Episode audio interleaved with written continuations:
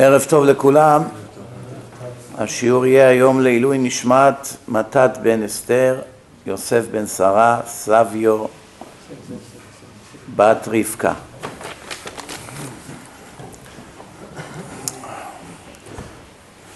נדבר בכמה עניינים, קצת גם על הפרשה המתקרבת.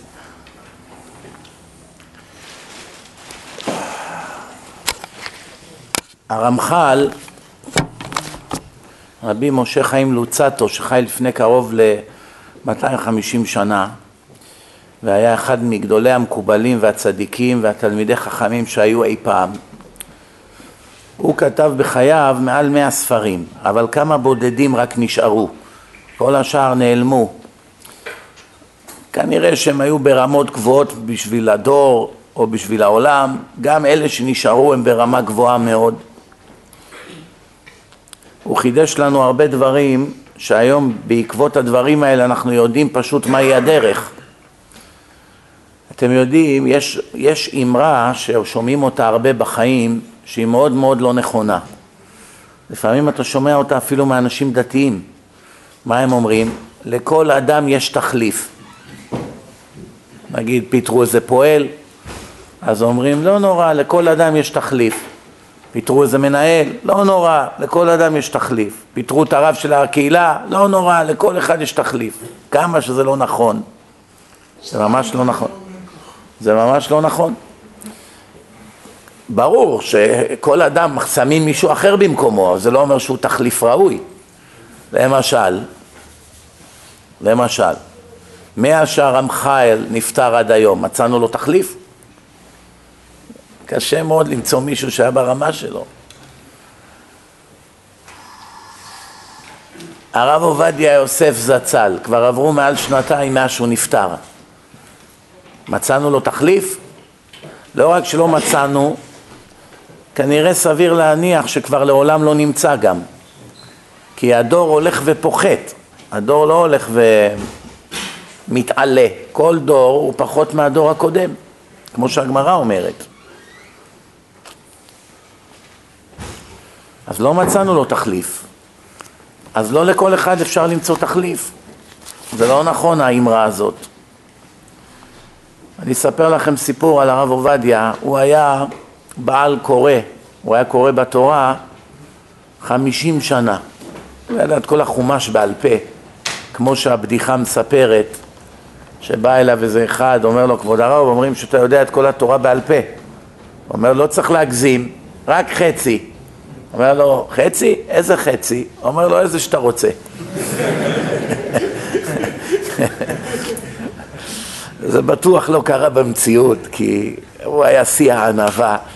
אבל ספר, איך אומרים, בדיחות כאלה עליי ועליכם לא מספרים. אם מספרים עליו כזו בדיחה, אז אתם כבר מבינים שהוא ידע את כל התורה בעל פה, כן? הוא קרא בתורה חמישים שנה. טוב, מי שקורא בתורה חמישים שנה, גם אם הוא לא הרב עובדיה, הוא כבר יודע אותה בעל פה, כן? בכל פעם שהוא הגיע לפסוקים של יעקב אבינו, יוסף איננו ושמעון איננו ואת בנימין תיקחו, עליי היו כולנה.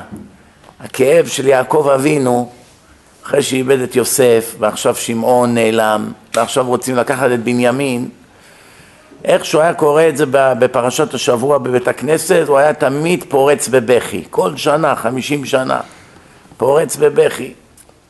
וכן במעשה העגל והתוכחה, כל פעם שהוא היה קורא על מעשה העגל, גם היה בוכה. היה חש, חש את, ה, את התורה האמיתי, לא רק סתם קריאה כמו שקוראים עיתון היום אנשים.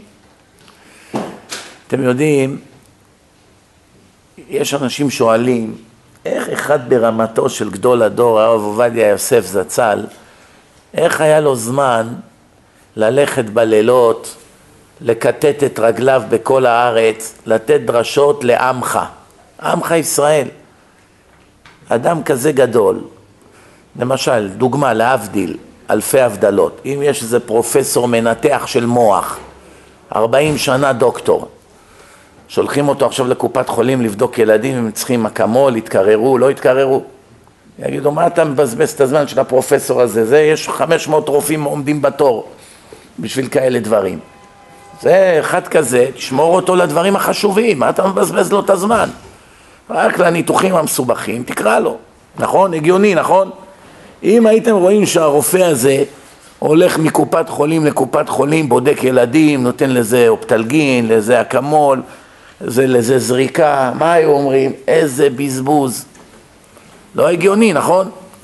אבל הנה המציאות מראה שככה עשה הרב עובדיה, הוא היה הולך, קודם כל בירושלים כשהוא היה מדבר, רוב האנשים היו בעלי בתים, באים לשיעור, הוא היה מספר להם משלים, אגדות, כל מיני דברים, ומתוך זה היה מכניס להם קצת הלכות ויראת שמיים, הוא היה נותן שיעורים לילדים ברמה של כיתה א', כלומר הם היו מבוגרים אבל הם היו כמו ילדי ישיבה ברמה, בכיתה א'. זה קודם כל מעיד על גדלות של אדם, למרות שהוא ידע כמה שהוא ענק בתורה, זה לא הפריע לו לתת שיעורים לבעלי בתים. אבל יש עניין שאתה נותן שיעורים בשכונה איפה שאתה גר, בירושלים או כמה בלוקים משם, לבין עכשיו אתה נוסע לקריית שמונה, לחיפה, לבאר שבע, מה שייך עכשיו? אדם כזה גדול עכשיו ייסע, ידבר בבאר שבע לכמה בעלי בתים שיבואו לבית הכנסת? שאלה, נכון? אז אתם שואלים את עצמכם, מאיפה הרב עובדיה לקח את הלימוד הזה שבכלל מותר לו לעשות כזה דבר? תשמעו סיפור. יש בת... בתנ"ך מתואר טרגדיה נוראית בתולדות עם ישראל, אחת הטרגדיות הגדולות שהיו אי פעם. מה? מלחמת אחים. הייתה מלחמת אחים עקובה מדם. מי יודע מתי הייתה מלחמת אחים בעם ישראל? מתי היה מלחמת אחים? יפה מאוד. פילגש בגבעה. עדיף מיקרופון, כן. פילגש בגבעה, תודה. פילגש בגבעה, או-אה, איזה הבדל. פילגש בגבעה, אחרי המעשה הנוראי הזה, פרצה מלחמה בין בני ישראל לשבט בנימין. מאז קום המדינה ועד היום, כמה חיילים נהרגו, אתם יודעים? כולל הפיגועים. כמעט 24 אלף. השם ייקום דמם. כמעט 24 אלף, זה מספר עצום. תדמיין לך עכשיו איזה אצטדיון גדול מלא באנשים, כל אלה נפלו להגן על המולדת. זה לא פשוט. בפילגש בגבעה לבד מתו שבעים אלף יהודים. מלחמה בין עם ישראל לשבט בנימין, שגם ככה היה שבט קטן. בספר תנא דבי אליהו ספר קדוש שמבוסס על דבריו של אליהו הנביא, פרק י"א, כתוב שהסנהדרין של אותו הדור, סנהדרין זה 71 חכמי האומה, שהם יושבים בירושלים במקום שנקרא לשכת הגזית, שזה בבית המקדש, יש להם חדר צדדי, שם היו יושבים ודנים. אחרי שחרב בית המקדש אין יותר סנהדרין. סנהדרין זה 71 חכמים שהם גם היו מוצאים להורג אם צריך, קובעים גזרות, קובעים דינים. לפני החורבן הסנהדרין כבר גלו ליבנה. למה? כי הם ראו שרבו הרשעים בעם ישראל ולא רצו להוציא אנשים להורג. אף אחד לא נהנה מאותו דיין שהוא צריך עכשיו לפסוק גזר דין מוות ליהודים, כן? גם היום, הרבה שופטים מאוד שמחים שאין הוצאה להורג. תאר לך שהוא צריך לגזור גזר דין מוות על יהודים פה, שופט פה בבית משפט חילוני. אם היה לרוצחים דוגמה עונש מוות, שופט היה לו איסורי מצפון, מה? מילא להכניס אותו לבית סוהר, שיראה קצת טלוויזיה וישחק שש באש, לא נורא, הוא חי עם זה בסדר. אבל פשוט להוציא אותו, לתלות אותו, או לתת לו זריקת רעל, או לא יודע מה, כן? זה לא כך פשוט. קודם כל, הרבה לא היו רוצים להיות שופטים. מה אני צריך, חיים ומוות בידי? לא כדאי. פעם, אני, היה לי איזה עימות עם מושל מדינת ניו יורק בארצות הברית. מושל מדינת, כל מדינת ניו יורק בידיו, 20 מיליון איש. כל ה-FBI, כל המשטרה, כל העובדי יוניון, כל הפוליטיקאים, כל מנהטן, כל הפנסיות של כל העובדים. בן אדם, איך אומרים בארץ? טייקון. שלוש שעות ישבנו אחד על אחד. הוא בא לאחת ההרצאות שלי, התווכח איתי איזה 45 דקות. אחר כך נפגשנו כעבור עשרה ימים לפגישה, אחד על אחד, שלוש שעות. ואז אני סיפרתי לו, באותו יום שנפגשתי איתו, הייתה כאן מחלוקת גדולה בין שני גדולי הדור, הספרדי והאשכנזי, הרב עובדיה יוסף זצ"ל והרב אלישיב זצ"ל. האם מותר לקחת איברים מאדם שהוא כבר מת מוחית, גזע המוח מת כמו שהיה הכדורגלן הזה אבי כהן, המוח שלו הפסיק לעבוד, זהו, אין סיכוי שיקום לחיים, אבל הוא עדיין נושם, אמנם בכוחות המכשירים וכולי, האם אפשר להוציא ממנו איברים כדי להציל יהודים אחרים שעומדים למות? כי בזה שמוצאים לו איברים מזרזים את המוות שלו, אף על פי שהוא במילא ימות. ודאי שהוא ימות, זה עניין של עוד יום-יומיים, לא יותר. האם מותר להוציא ממנו איברים כדי להציל אנשים שהם גם ימותו, לפחות נציל אותם, הוא במילא כבר מת. הרב עובדיה יוסף פסק שמותר, כי זה פיקוח נפש של אחרים, אף על פי שזה, כיוון שהוא עכשיו חי רק בזכות המכשירים, מהתורה הוא נחשב כבר מת, כי כתוב בתורה כל אשר נשמה באפו, מי שנושם בכוחות עצמו הוא חי, מי שלא הוא כבר בעצם מוגדר כמת, והוא לא יכול במילא לחזור לחיים.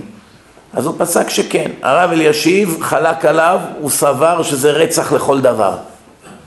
שאין דוחים דם מפני דם. לא הורגים אחד כדי להציל את השני. אפילו שזה הגיוני, אפילו שזה בן מאה ואלה בני עשרים, אז עדיף כבר לקחת אחד בן מאה ולהציל באיברים שלו שלושה צעירים. ברור, את כל החשבונות האלה הרב אלישיב ידע, ובכל זאת פסק שזה אסור. אז באותו יום שישבתי עם המושל, סיפרתי לו בדיוק שזה עכשיו החדשות הלוהטות בארץ. קרב בין שני גדולי הדור. פתאום הוא כמעט התעלף לי. אומר לי, אני לא מאמין שאתה אומר לי את זה.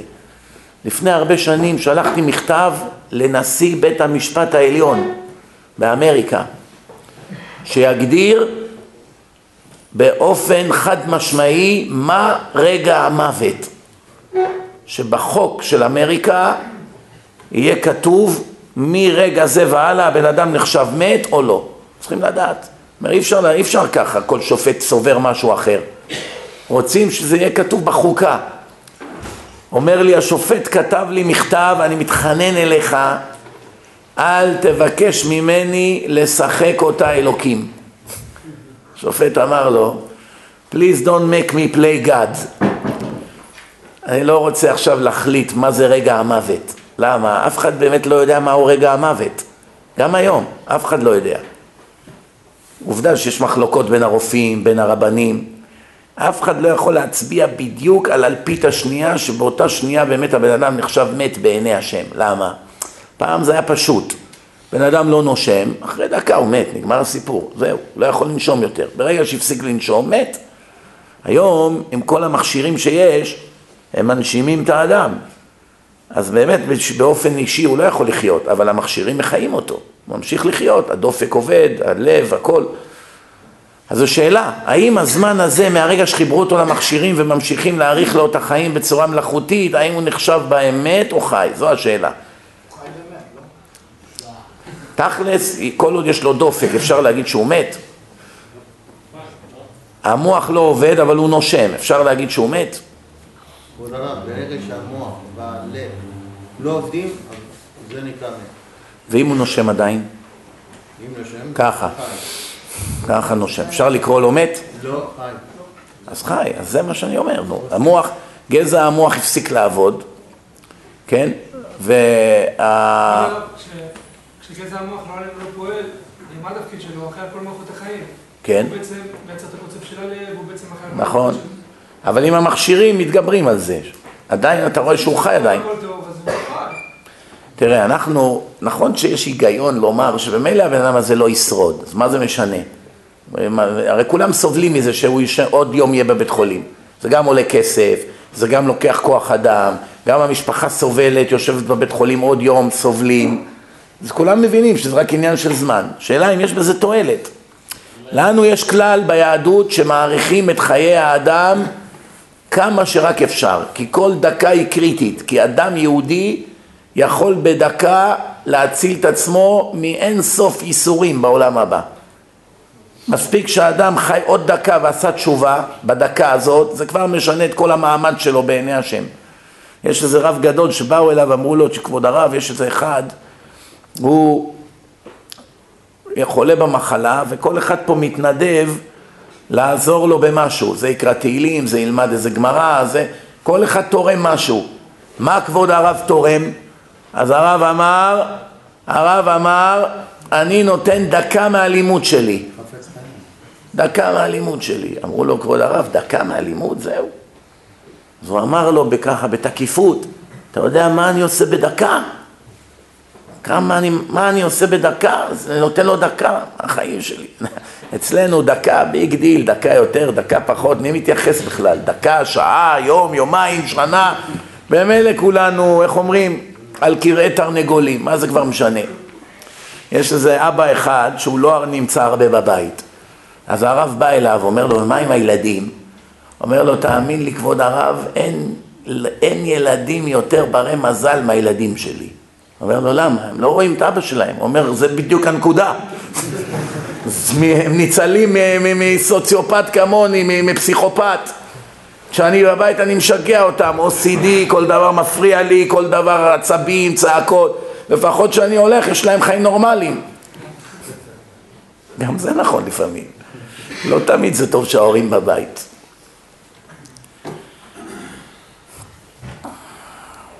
אז איפה היינו? אז טרגדיה נוראית, פילגש בגבעה, שבעים אלף מתו. בתנא דבי אליהו כתוב שהסנהדרין של אותו דור היו אשמים. הסנהדרין. שאחרי זה, לקראת חורבן, בחורבן בית המקדש השני, שהרומאים החריבו את בית המקדש, קצת לפני זה הסנהדרין גלו ליבנה. למה? כי כתוב בתורה, מאת מזבחי תיקחנו למות. כתוב פסוק בתורה, מישהו שנגזר עליו עונש מוות בסנהדרין, מיד מהבית המשפט, הסנהדרין, לוקחים אותו ישר למוות. למשל מחלל שבת, מות יומת, בסקילה. מצאו אותו השם בחילול שבת, היו מוציאים אותו להורג. לא נותנים לו ללכת הביתה לנשק את הילדים, לחבק את האישה, להגיד שלום, אולי אני אחזור בגלגול. כן? לא. ישר להר שמשם זורקים אותו משם ומוציאים אותו להורג. אז כתוב בתורה מאת מזבחי, משמע איפה המזבח? ליד בית המקדש. מפה ישר להורג. אז מה עשו החכמים? מצאו טריק. מצאו טריק. חכמים מרוב אהבתם לעם ישראל כל הזמן מצאו טריקים כדי רק לעזור. למשל הלל עשה פרוסבול. הוא ראה שהעשירים לא מלווים יותר לעניים, כי עוד מעט מגיעה שנת שמיטה. שנת שמיטה זה שומט את כל החובות. העשירים אמרו לעניים, תשמע, עוד שנה זה שנת שמיטה. אני לא יכול לתת לך הלוואה עכשיו, כי אני יודע שאני לא אראה את הכסף חזרה. תבוא אליי בסוף שנת השמיטה, תקבל, אין בעיה. אבל שנה לפני זה אני יודע שלא תספיק שלם לי, לא נותן. אז העניים מסכנים. אז מה עשה הלל? אמר, אוקיי, זה ילך דרך בית דין. בעצם אתם נותנים לבית דין, הבית דין נותנים להם, הם מחזירים לבית דין, ולבית דין אתה חייב לשלם גם בשנת שמיטה. רק בין יהודי ליהודי השמיטה עוזרת, אבל מה של הבית דין אתה חייב לשלם.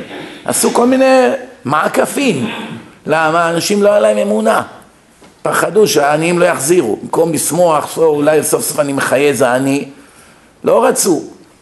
או למשל שטר היתר עסקה. אי אפשר להלוות בריבית ליהודי. ויהודי להלוות ליהודי לא כל כך מבסוט לתת הלוואה בלי לקחת רווחים, כן? כמה אנשים מוכנים לתת הלוואה אפילו לחברים, לאחים? אתה יכול להלוות לי מאה אלף דולר? למה? אני צריך לשנתיים.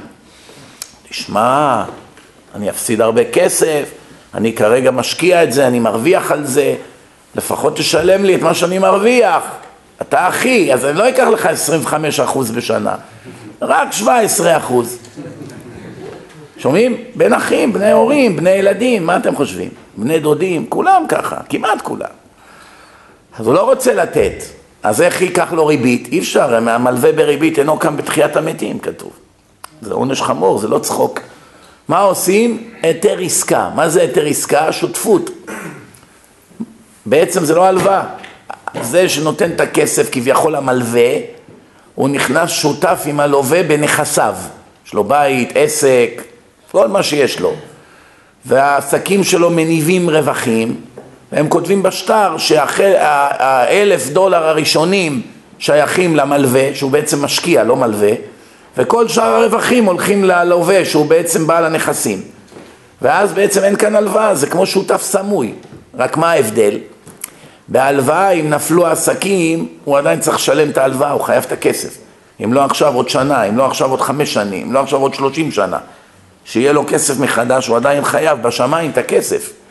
אבל אם זה היה שותפות ונפלו הנכסים, הלך הכסף. זאת אומרת, כיוון שאפשר גם להפסיד, לא רק להרוויח, אין כאן ריבית. הבנקים למשל בארץ, כולם יש להם היתר עסקה, אבל כולם נוכלים. מעולם הם לא עזבו אדם שנפל, אלא קוברים אותו בדם קר. את התחתונים לוקחים לו אפילו. הוצאה לפועל, את המשקפי ראייה לוקחים לו אפילו. אני אומר לכם, אנשים מספרים לי מה עשו להם פה. ואם תתנגד, תקבל אגרוף בין העיניים, שוברים לך את העדשות בתוך האישונים של העיניים. הוצאה לפועל, מאפיה חוקית. אין באמריקה כזה דבר. הוצאה לפועל, אלימות, לוקחים לך מכונת כביסה, אין כזה דבר. לא שזה טוב, אני לא אומר אם זה טוב או לא טוב, לפעמים זה הדרך היחידה שהגנבים מבינים. שהם יודעים שידפקו להם בדלת איזה שני בריונים, לפעמים יחשבו פעמיים לפני שהם מרמים. לכל מטבע יש שתי צדדים. בכל אופן, נחזור לעניין, אז הסנהדרין הבינו, אם אנחנו נגלה ליבנה, אז לא יתקיים בנו הפסוק מאת מזבחי תיקחנו למות. כי אנחנו לא עושים את הדינים ליד המזבח. ממילא אי אפשר גם להוציא להורג. הנה, נשאיר אותו להשם, אולי הוא יחזור בתשובה. למה להרוג אותו צעיר מסכן? אולי עוד שנה יחזור בתשובה, לא יצטרך להרוג אותו. קיצור, השתמטו מהחיוב להוציא להורג, זה אחד מתרי"ג מצוות, זה לא אחד, זה ארבע.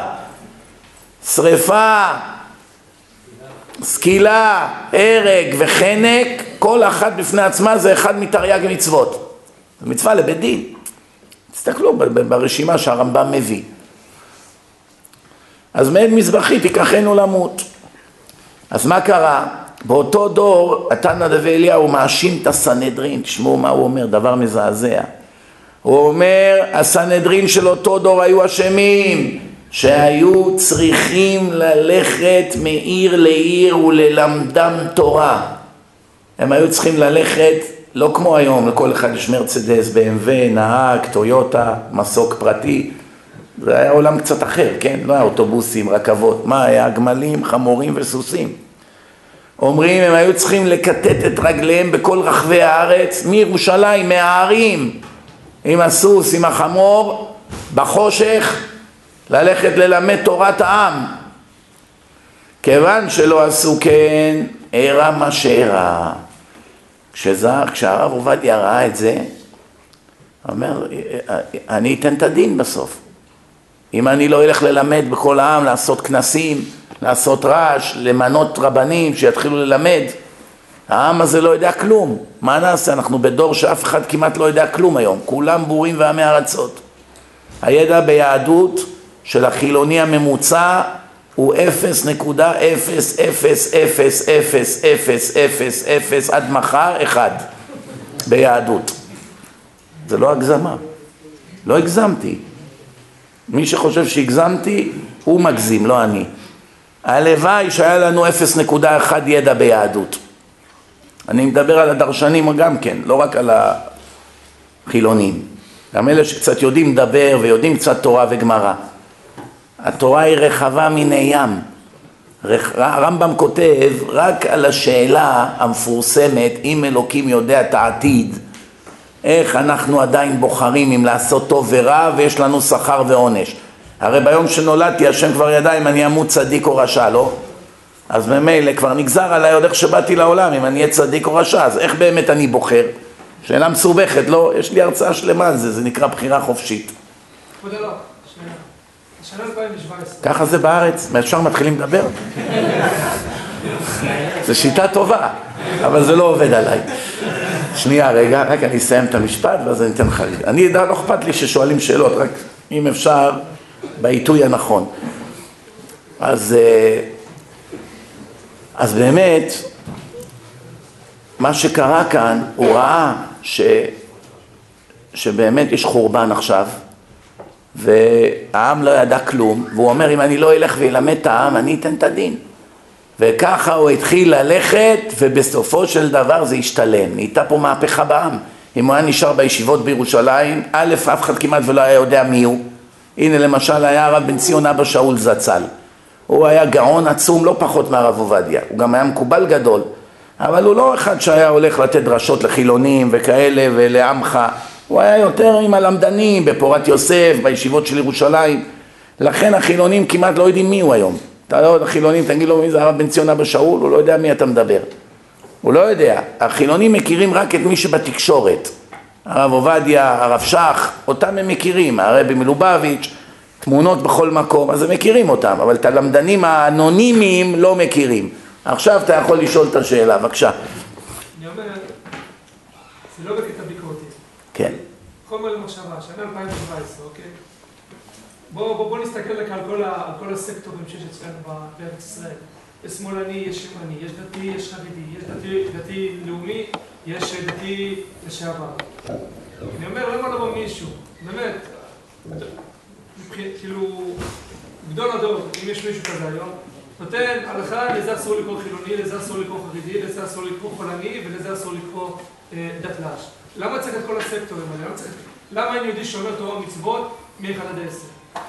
קודם כל, מי אמר שאסור לקרוא? מה? זה בושה לקרוא לחילוני חילוני? אם שואלים אותו מה, אתה דתי או חילוני, מה הוא עונה? הוא אומר, אני חילוני. זה לא מילת גנאי. מה זה חילוני? שיום שבת זה יום חול בשבילו. מאיפה באה המילה חילוני? זה לא שייך לחולני, כמו שאתה אמרת. חילוני וחולני זה שתי דברים שונים. למרות שלפעמים זה גם הולך ביחד, אבל זה גם על דתיים אפשר לומר. יש גם דתיים חולניים, תלוי. כל אחד והמחלות שלו. מנחה זה שהופך את שבת ליום חול. בדיוק. חילוני זה הכוונה, יום שבת זה יום חול בשבילו, זהו. אין פה עכשיו העלבה והשמצה, מה שהוא מציג את עצמו זה מה שקוראים לו, נכון? אם אדם בא קורא לעצמו דוקטור כך וכך, אם אני אקרא לו דוקטור כך וכך, אני משמיץ אותו? לא.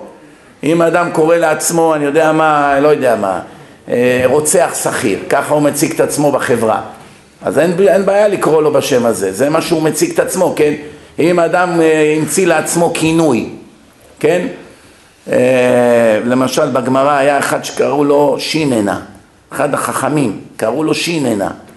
יש מחלוקת מה זה שיננה, או שהיה לו שיניים גדולות, או שהוא היה שנון, חד. מרוב שהוא היה חריף, קראו לו שיננה.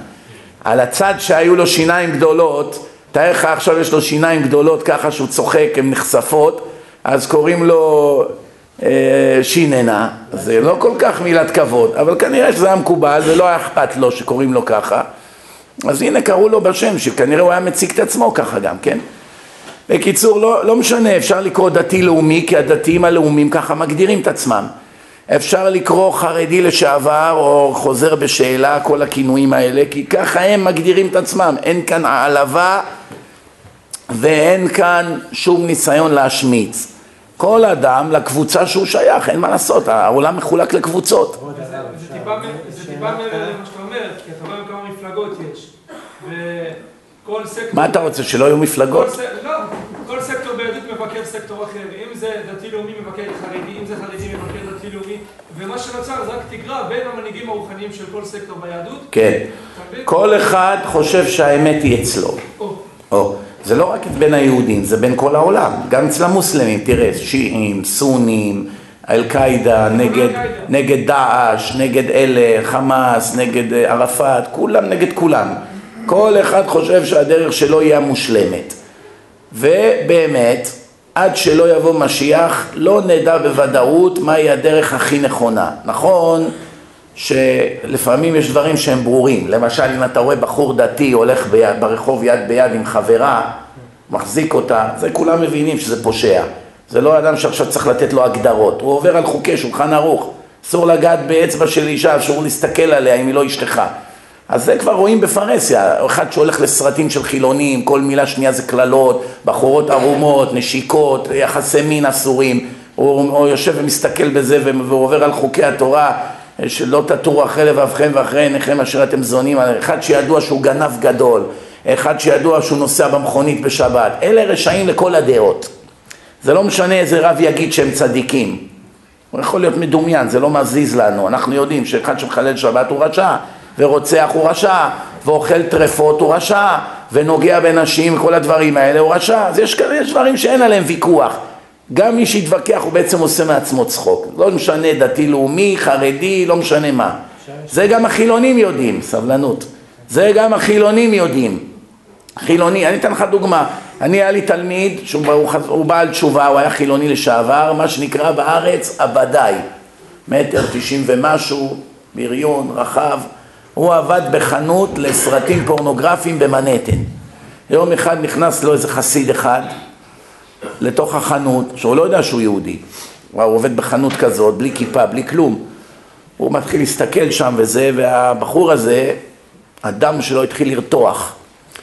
בסוף הוא אמר לו, מה, כמה זה עולה, כמה זה עולה, הוא אמר לו, יש בפנים דברים מיוחדים, אם אתה רוצה, בוא אני אקח אותך בפנים. הכניס את החסיד בפנים, תפס אותו ככה, הרים אותו באוויר, הדביק אותו לקיר, התחיל לצרוח, לשאוג עליו, יא מנוול, יא מזויף, אם עוד פעם תבוא לפה אני אהרוג אותך בידיים שלי. אז ההוא אומר לו, מי אתה, מה, מה, מה אכפת לך שבאתי? אתה... הוא אומר לו, אתה לא מתבייש? אתה ככה מסתובב עם זקן וזה, אתה בא למקום כזה? אז ההוא אומר לו, מה, אתה יהודי? עכשיו החסיד נותן לו מוסר, כאילו. מה, אתה יהודי אתה? איזה מין יהודי אתה? אתה שייגץ אתה. אז הוא אומר לו, אם אתה כזה צדיק, אז למה אתה עובד בכזה מקום? אתה עוד בא אליי בתלונות, אני בא פעם בשנה, אבל אתה יום יום פה. מחלוקת עכשיו נהיה. סוגיה פה, כן? סוגיה, סבלנות, סבלנות. תנשום עמוק, תירגע. אל תראה, אני לא בורח, רק התחלנו. שומע? אז, אז, אז עכשיו החסיד פתאום נותן לו מוסר. אז הוא אומר לו, אני לא מסתובב עם התחפושת הזאת ככה. אני לא טוען שאני דתי, ואני לא טוען שאני עבד השם, ואני לא. לכן ממני אף אחד לא מצפה. הם רואים אותי נכנס לחנות כזאת, זה לא מזיז לאף אחד, כי אף אחד מלכתחילה לא ציפה ממני להיות בן אדם. אבל ממך מצפים להיות צדיק. כי אתה בא לנו בתחפושת של צדיק, אז אתה תהיה צדיק. ואם לא, אז אתה תוריד את הזקן ותהיה חילוני בחוף, בשבת. אל תעשה לנו הצגות. הבנת? איזה רב אחד הזהיר את אשתו. הוא אמר לה, הכי הרבה תיזהרי אחרי שאני נפטר מאלה שמשחקים אותה דתיים. הם הכי מסוכנים. הכי מסוכנים. מה שנקרא באמריקה The Liberal Jews. אתה מכיר אותם? זה מה שפה נקרא שמאלנים, ערב רב, באמריקה גם יש לזה שם, לפטיז, ליברלס, ומצאו לזה לדתיים, יש גם דתיים שמאלנים, אתה יודע. אה? אז תשמע, יש, יש גם דתיים שמאלנים, אז מה, איך קוראים לדתיים השמאלנים? או הליברלים? modern orthodox, אורתודוקסים מודרניים, מילה מאוד מאוד לא ברורה, המודרניים האלה. מה זה מודרניים? הוא לובש חליפה כזאת? made in Italy? זה נקרא מודרני? זה אמור להיות היה ככה, אבל זה הרבה יותר מזה. יש להם דעות מעוותות, דברים שהם אומרים, בא לך, איך אומרים, להתעלף ממה שיוצא להם מהפה. אין להם בעיה עם מצעד התועבה, אין להם בעיה עם הילרי קלינטון מחבקת את ערפאת, אין להם בעיה בכלום, מתפללים רבע שעה בקושי, הכל כזה חפיף, במהירות. אין להם בעיה לקרוא הודעות באמצע התפילה בטלפון ולשלוח הודעות. אין, אין להם בעיה בעצם עם כלום, כלום.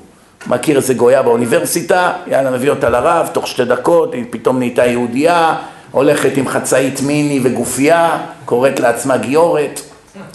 זה, זה החורבן של יהדות אמריקה. זה עוד הדתיים. שומע? יש עכשיו קונסרבטיבים, ויש רפורמים, והשם ירחם מה עוד יש. הבנתם מה הולך פה היום? בקיצור, אתה אומר למה יש קבוצות? תמיד מאז ומעולם היו קבוצות. אפילו ביציאת מצרים, שזה היה אחד הרגעי השיא של עם ישראל, היו שבטים, ולא התחתנו ביניהם. עד שאחר כך בט"ו באב הותרו שבטים לבוא זה בזה, אחרי הרבה הרבה זמן. תקופה ארוכה אסור להם היה להתחתן אחד מהשני, למה? חילקו את הארץ לפי נחלות, כל שבט קיבל נחלה, כל משפחה קיבלה אדמה, עכשיו אם יתחילו להתחתן עם אחד עם השני זה הולך אחרי הגבר, פתאום יתחילו לעבור נחלות משבט לשבט, יהיה בלאגן, רצו קודם כל שיתיישבו, הבנת? אחרי זה, אחרי איזה תקופה כל עם ישראל נהפך ליחידה אחת, והנה היום זה גם כן מחולק לשבטים, חסידים כאלה, בובוב, וישניץ, סאטמר, נטורי קרתא, חרדים ספרדים, בעלי תשובה, מודרניים, מודרן אורתודוקס, דתיים לאומיים, חב"ד, ברסלב, הנה לך 12 שבטים. בשנייה. איך אומרים? להחזיר עטרה ליושנה. חזרנו למקורות. עוד פעם התפלגנו ל-12 קבוצות. שומע? אין מה לעשות, מה נעשה? כל אדם יש לו דעות, ויש לו השקפות, אידיאולוגיה, ויש לו רמה מסוימת בדת ורמה מסוימת של ידע. תחבר את כל אלה ביחד, הוא משייך את עצמו לאחת הקבוצות. יש אחד שהוא מזדהה עם החרדים, אלה שמקפידים על כל מצווה, איך אומרים, ייהרג ולא יעבור. נטילת ידיים זה נטילת ידיים, כיסוי ראש זה כיסוי ראש, זקן זה זקן, תפילה זה תפילה, יום כיפור זה יום כיפור, אפיית מצות זה אפיית מצות, אין אצלם קיצורי דרך. אבל זה לא אומר שהם צדיקים גדולים. יכול להיות שיש ביניהם שנאה, גזענות, שונאים את השונה, לא אוהבים כל יהודי, אולי הוא לא מהקבוצה שלו. הגמרא אומרת חסידה, זה אחד העופות. עופות הם בדרך כלל, אם הם לא טורפים, עוף שלא טורף, במילים אחרות הוא לא רוצח, הוא אמור להיות כשר. אז למה חסידה היא לא כשרה? היא לא, תור... היא לא רוצחת. היא אוכלת דגים, היא אוכלת תולעים, כל מיני דברים, היא לא, היא לא רוצחת. מילא נשר, עית, אה, כל אלה, אה, נץ, אלה רוצחים, אז לכן הם לא כשרים. גם נמרים, כל אלה, אריות, הם רוצחים, אז הם לא כשרים. השם אוהב את הנכנעים. מי זה? כבשים, עיזים, פרות, שומע? אה, איילות, אלה שהם לא רוצחים. אלה שאוכלים עשבים, אלה שלא רוצחים למחייתם. אלה הכשרים. אותו דבר אצל החיות, אצל הציפורים. אלה שאוכלים דברי קש, כל מיני עשבים, כל מיני דברים, לא כאלה שרוצחים. אז הנה החסידה לכאורה, היא לא רוצחת, אז למה היא לא כשרה? הייתה צריכה להיות כשרה, מה? אלא, למה נקרא שמה חסידה? שהיא עושה חסד. עם מי? עם חברותיה. רק לחסידות אחרות. אם יבוא, תבוא ציפור אחרת, מנדים אותה. את לא אחת מהחסידות שלנו. רק לאנשי החסידות שלנו. כל השאר לא מעניינים אותי בכלל. מה שנקרא באמריקה שגץ. הבנת? אז ממילא הקדוש ברוך הוא לא סובל את זה. ברגע שקבוצה מסוימת חושבים שהם רק יהודים וכל השאר זה, איך אומרים, לא שייך פה, ויש שנאת חינם, ויש לזה השלכות חמורות, וזה מביא לשנאה ולשון הרע ורכילות וכל מיני מלחמות מיותרות. אני רוצה שתדע, כמעט כל המלחמות בעולם בין אנשים, במיוחד בין יהודים, הם כולם נובעות מחוסר הבנה. אם באמת תבדוק את שני הצדדים, כל אחד ואחד מה הטענות שלו, תראה שיש כאן אי הבנה גדולה מאוד. אי הבנה גדולה מאוד. למשל בלק הלך ושכר את בלעם, נכון? הלך ושכר את בלעם כדי לקלל את עם ישראל. אם בלק היה יודע שהקדוש ברוך הוא הזהיר את עם ישראל לא לגעת בעם של בלק כבר הייתה אזהרה, אנחנו לא, לא היינו יכולים להזיק לו בכלל ככה השם אמר לנו, אל, ת, אל תתגר בהם מלחמה, אל תתחיל איתם.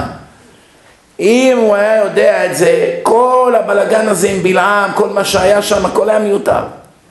הכל מאי הבנה. הרבה פעמים אתה רואה יש אי הבנה בין אנשים, זה אמר עליך ככה, ואומרים להוא זה אמר עליך ככה, ובסוף שום דבר לא היה, סתם מלבים את האש, במיוחד היום בעידן האינטרנט, שהעיתונאים צמאים לדם, מבשלים את כל העיסה, פותחים תגובות, כל אחד נכשל ומאבד את העולם הבא שלו, אחלה אתרים חרדיים,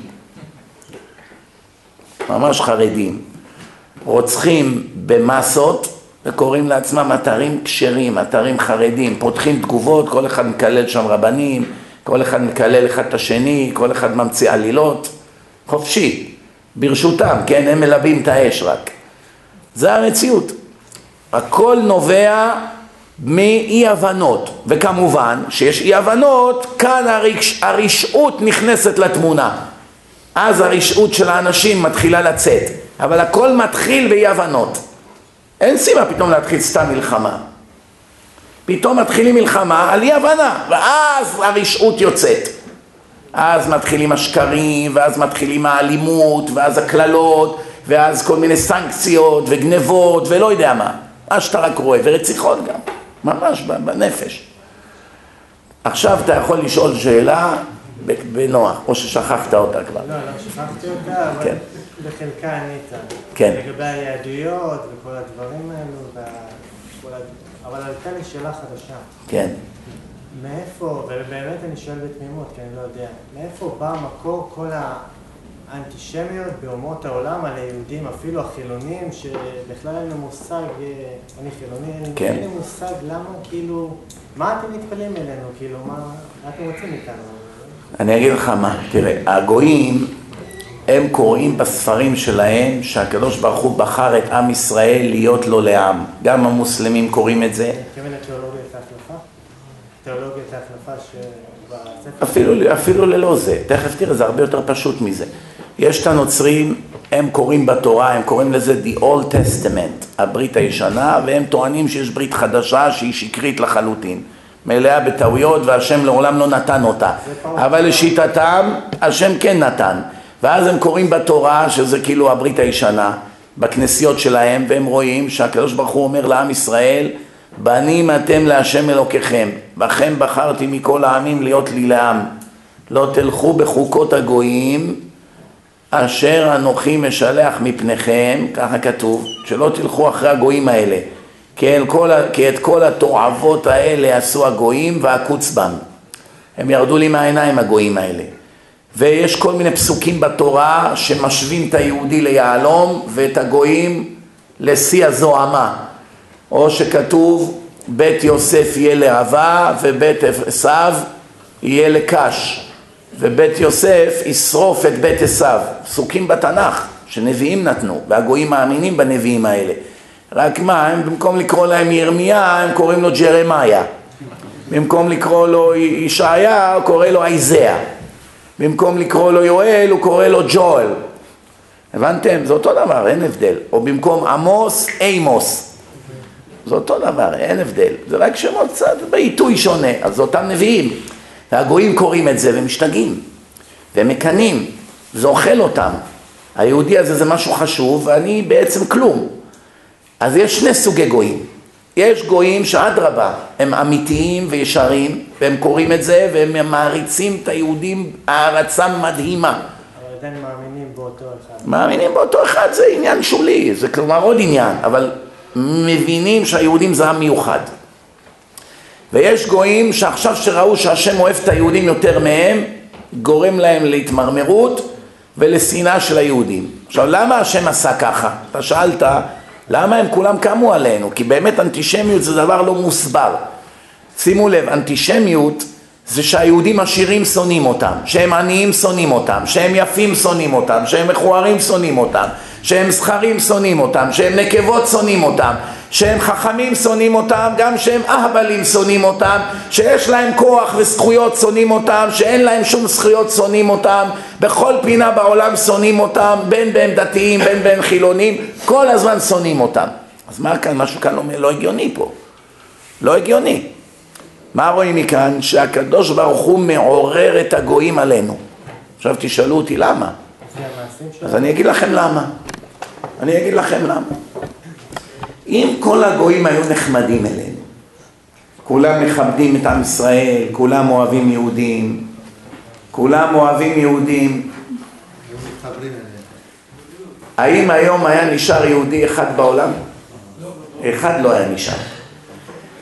כי כל הגויים היו מכבדים את היהודים כאילו הם מלכים, מקבלים אותם בזרועות פתוחות, נותנים להם, עוזרים להם, תודה. וכל זה, אז היהודים לא היה ביניהם שום מחסום בינם לבין הגויים. למשל היום יש הרבה חילונים שהם פוחדים להתחתן עם גויים. למה? אמנם הם לא דתיים, אבל הם יודעים, אין לי כבר איזה שליטה. אני עכשיו אחיה עם גויים במקום, מי יודע לאן זה יגיע? פוחד, יש לו פחד פסיכולוגי. למרות שלצערנו זה יורד ויורד. יש כאן איזה אחד כיפה דתי לא- לאומי שהכיר איזה מתנדבת פה בקיבוץ והתאהב בה, איזה גרמניה אחת, זה מעשה שהיה פה, התאהב בגויה. ועכשיו כמובן שהיא לא רוצה להתגייר, היא בכלל ממשפחה נוצרית מגרמניה והחברים שלו אומרים לו, איצי, מה עובר עליך? אתה דתי, שומר שבת, מה אתה בא, לומד דף יומי, בא לתפילות, מניח תפילין, אתה הולך להתחתן עם גויה מזרע של היטלר? רבותיי, כתוב בחז"ל, אסור לך לשפוט בן אדם עד שלא תהיה במצבו. אם הייתם יודעים כמה היא טובה אליי, ואיך היא אוהבת אותי, ואיך אני אוהב אותה, ואני לא יכול לחיות בלעדיה, הייתם מבינים. זה לא בידי. תאמינו לי שאם הייתי צריך לבחור, הייתי בוחר אחרת. אבל עכשיו זו המציאות, אנחנו מאוהבים, ואני נוסע לגרמניה להתחתן. איפה? החתונה היא ביום ראשון. כנסייה. בכנסייה. כנסייה יש להם אולם. החברים שלו כולם פייטרים מהצבא, כיפות סרוגות, דתיים לאומיים, הם רובם הפייטרים הכי טובים שיש. חברים שלו מהיחידה מנסים למנוע ממנו בכל דרך שהיא, איך תעשה כזה דבר, מה עם השם? אומר, זה לא גורע מאהבה שלי להשם, אבל אין מה לעשות. ראו ככה, אמרו לו, טוב, תשמע, לפני שאתה טס, תעבור מאיתנו, נעשה לך איזה מסיבונת, מסיבת פרידה, כל אחד ייתן לך מתנה, ונתפלל עליך שתצליח, מה נגיד? אומר, אוקיי, טוב, סוף סוף קיבלתם אותי. הזמינו אותו לדירה של אחד מהם, הוא נכנס וזה, אומרים לו, טוב, תשמע אחי, אתה יודע את הדעה שלנו, אבל אנחנו לא, איך אומרים, לא שופטים אותך. אם זה מה שבחרת, מקווה שיהיה לזה, איך אומרים, סוף טוב. בוא, אנחנו רוצים להראות לך, קנינו לך מתנה יפה, בוא איתנו. מכניסים אותו לחדר, פתאום אחד הבריונים שם, דחף אותו בפנים, סגר את הדלת ונעל. אומר, מה זה? הוא צועק, פתחו את הדלת. אומר לו החבר שלו על גופתי המתה, אתה תתחתן עם הנכדה של היטלר ואנחנו נשתוק? לא אכפת לנו מאוהב, מת... אתה לא מאוהב, אתה מתועב. תפתחו את הדלת, יש לי טיסה עוד שעתיים. אתה לא יוצא מפה שלושה ימים. יש לך אוכל בארון, תפילין, הכל שם מוכן. הכל, יש שם סורגים גם, סגור, בכלוב. דופק, צורח, מקלל, בוכה, מתעלף כבר שעות, תפתחו את הדלת. עוד כמה שעות אני מתחתן, אתה לא תתחתן. אנחנו עוד נראה מי מתחתן. ואמרו לו. אחרי שהחזיקו אותו שם עד שכבר החתונה תעבור שם בגרמניה, פתחו לו את הדלת. קרב, אגרופים, מכות, שלושה על אחד. הכניעו אותו, הוא בוכה, הוא כולו רועד. לא צריך לספר לכם על סערת רגשות ועל הבושות שהוא מרגיש עכשיו. הוא מתקשר לגרמניה, איך שהיא מרימה את הטלפון, בגרמניה זה קריסטינה. מרימה את הטלפון, פרצה ברצף של קללות, יהודי מלוכלך, חבל שהיטלר לא גמר את העבודה, הזהירו אותי כולם ממך, יהודון, כל הכינויים של הנאצים. זה כל הקטע. צעקות וקללות, היא מקללת אותו, הוא קיבל הלם. אהובתו שעמד להתחתן איתה אתמול. איזה קללות גזעניות. ההוא הוריד את הטלפון, הסתובב, התחיל לבכות, חיבק אותה. יואו, ממה ניצלתי? אני חייב לכם את החיים שלי. עמדתי להתחתן עם נאצית. אתם יודעים, אחד עמד בתור לתאי הגזים בשואה, במחנות, והוא היה בוכה. כולם שם כבר היו גמורים מבחינה נפשית. כולם יודעים, עוד מעט הורגים אותנו, אבל כבר לא בחרו כבר. סבלו כל כך הרבה כבר כמה שנים, איך אומרים, שכבר השלימו עם גורלם. כולם עמדו שם, חיכו בתור, ורק זה היה בוכה. שואל אותו זה שעומד לידו, למה אתה בוכה? מה יעזור הבכי? גמרנו, נסגר עלינו, אנחנו כבר עוד מעט הורגים אותנו, יאללה, אין מה לעשות. אומר לו, לא, אני כבר לא בוכה על המוות, תאמין לי. טוב לי מותי מחיי. אז מה אתה בוכה? אומר לי, אתה רואה שם את האישה עם התינוק? אומר, כן. אומר, זה אשתי, גויה גרמניה. זו אשתי, אומר לו. תראה איך היא שמחה. תראה איך היא צוחקת עם הגרמניות שם. היא הלשינה עליי איפה אני. לא היו תופסים אותי, אני התחבאתי באיזה עליית גג. היא סיפרה להם איפה אני מתחבא. אין אמונה בגויים, הגמרא אומרת. זה לא שאין גויים טובים, אני הכרתי אלפי גויים טובים, תאמינו לי, טובים, אבל ממש טובים. אבל באופן כללי, הרוב המכריע, אי אפשר לפתוח בהם. אין אמונה בגויים, אין מה לעשות. עשו שונא ליעקב. נכון? כתוב ישראל אז שבאומות. אז שבאומות. מה זה אז? מלשון עזות. או שהוא הכי טוב או שהוא הכי גרוע. אין באמצע. יהודים. או שהם הטובים ביותר באומות, שולטים בעולם, מלמדים, עם הספר, או שהם חס וחלילה הגרועים ביותר שאפשר. כי היהודי תמיד שואף להיות קיצוני בדרכו. הוא לא מתפשר על חצי. אם זו האמת שלו, עד הסוף. הבנתם? מה רואים? לאורך ההיסטוריה רואים את זה. מי שהציל את העולם זה יהודי, מי שמקלקל את העולם זה יהודי. בדיוק. זה מה שאני זוכר. בדיוק. מעשייך ומחריבייך ממך יצאו.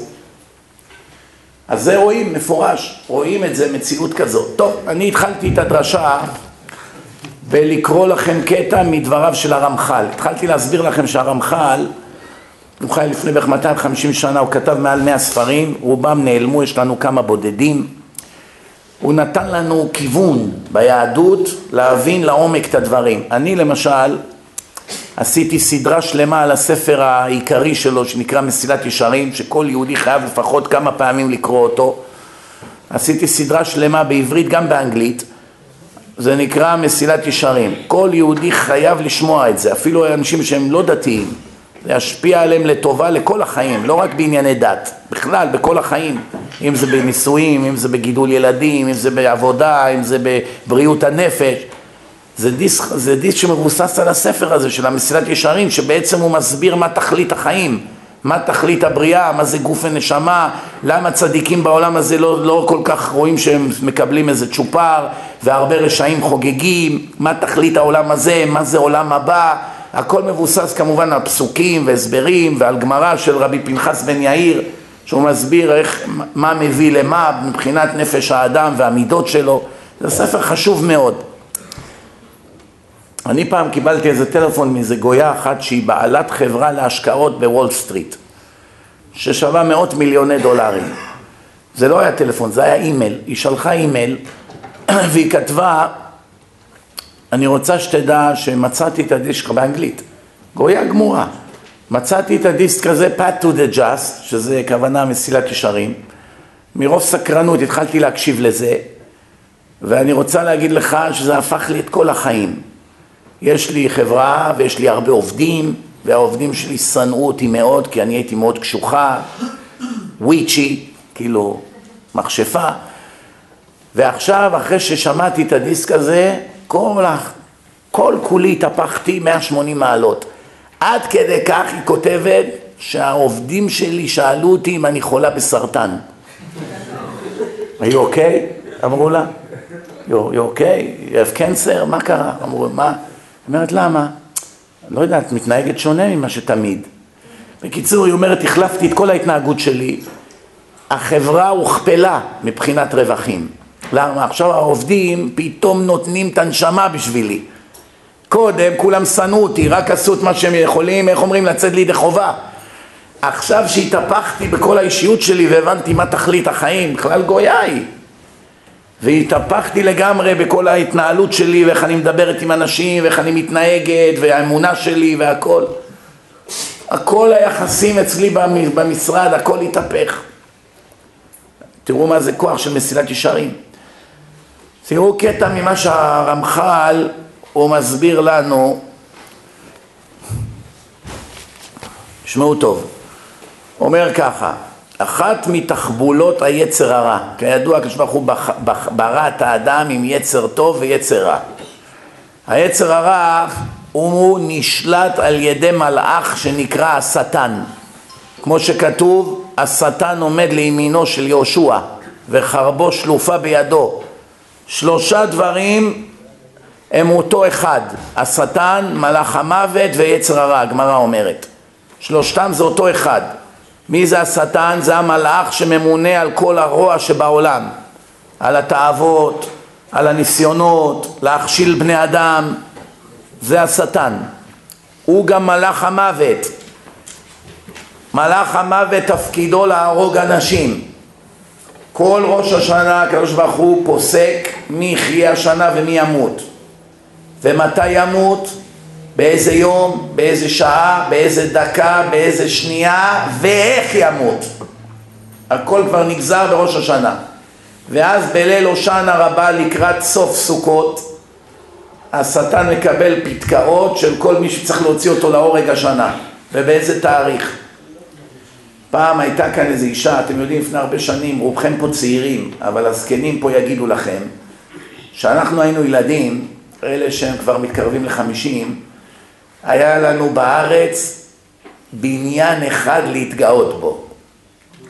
כל בשלום, הנה ישר אמר לנו. ילד פה בארץ זה היה בשבילו אטרקציה, שנלך לראות את כל בו שלום. אני חושב שזה 33 קומות, משהו כזה. לא היה בניינים גבוהים בארץ, בניין של שבע קומות בנו בתל כביר, זה היה אטרקציה. כל הבניינים היו ארבע קומות, זהו זה. בנו שבע קומות, כולם באו לראות, בניין שבע קומות.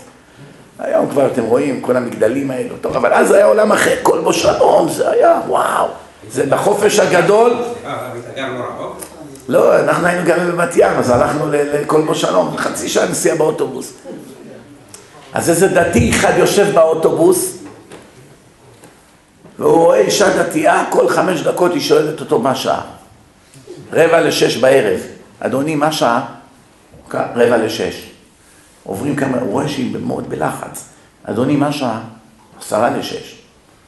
אדוני, מה שעה? חמישה לשש. תגידי, את בסדר? את נראית לי מאוד לחוצה. אני יכול לעזור במשהו? לא, אני במתח. מה קרה? תגידי, דברי. אימא שלי, אני הייתי, כשהייתי ילדה הייתי דתייה, ואימא שלי הייתה דתייה והיא נפטרה, ואני דרדרתי ונהייתי חילונית. ירדתי מהדרך. ואימא שלי באה אליי לפני שבוע בחלום, הזהירה אותי שלא נשאר לי עוד הרבה זמן, אני חייבת לחזור בתשובה. והתעלמתי ממנה, ואחר כך היא באה שוב בחלום, ושוב התעלמתי ממנה, ועוד פעם היא באה, ושוב התעלמתי ממנה. עכשיו היא באה, אתמול בלילה, והיא אמרה לי צ'אנס אחרון. את חוזרת בתשובה, כן או לא? אמרתי לה בחלום, לא מעוניינת. היא אמרה, טוב, אם את לא רוצה, אין יותר מה לעשות בשבילך, תפגשי אותי מחר בשעה שש בכל בו שלום. אז הוא אומר לה, אבל אמא שלך נפטרה, לא? הוא אומר, כן, זה כל העניין. היא באה לי בחלום ואומרת לי, תפגוש, תפגשי אותי בשעה שש בכל בו שלום, אני מאוד במתח. מתי אמא שלי באה לי כל יום בחלום? אז אני לא יודעת למה לחכות. אומר לה, דתי, טוב, הנה, התחנה הבאה זה כל בו שלום, תספיקי. עכשיו איזה דתי נורמלי לא ילך לראות מה הלך שם? הוא ירד אחריה לעקוב אחריה. הוא זה שסיפר את הסיפור. הוא עקב אחריה בשקט, דקה לשש, היא מגיעה, היא עומדת לחצות את הכביש. איך שהיא חצתה את הכביש, באה מכונית בסיבוב, במהירות, בום! פגע בה בשיא המהירות, העיף אותה 15 מטר באוויר, מתה במקום. 6-0-0. הגמרא אומרת, רגליו של אדם ערבים לו ביום המוות. כל, ה... כל החיים אתה בוחר לאן ללכת. כל מי שבא לכאן הלילה לשמוע דרשה, הוא בחר לקום ולבוא, בין בזה במונית, באוטובוס, ברגל, קרוב, רחוק, יש בזה כל מיני התנגדויות, ברור, כן? הכל בידי שמיים חוץ מיראת שמיים. כל דבר בחיים הוחלט בשבילך, שום דבר לא בידך. אם תהיה יפה או מכוער או יפה או מכוערת זה לא בידך. חכם או טיפש לא בידך. מי ההורים שלך לא בידך. איזה עיר תיוולד לא בידך. איזה בית ספר ישימו אותך לא בידך. שום דבר לא בידך מלבד דבר אחד.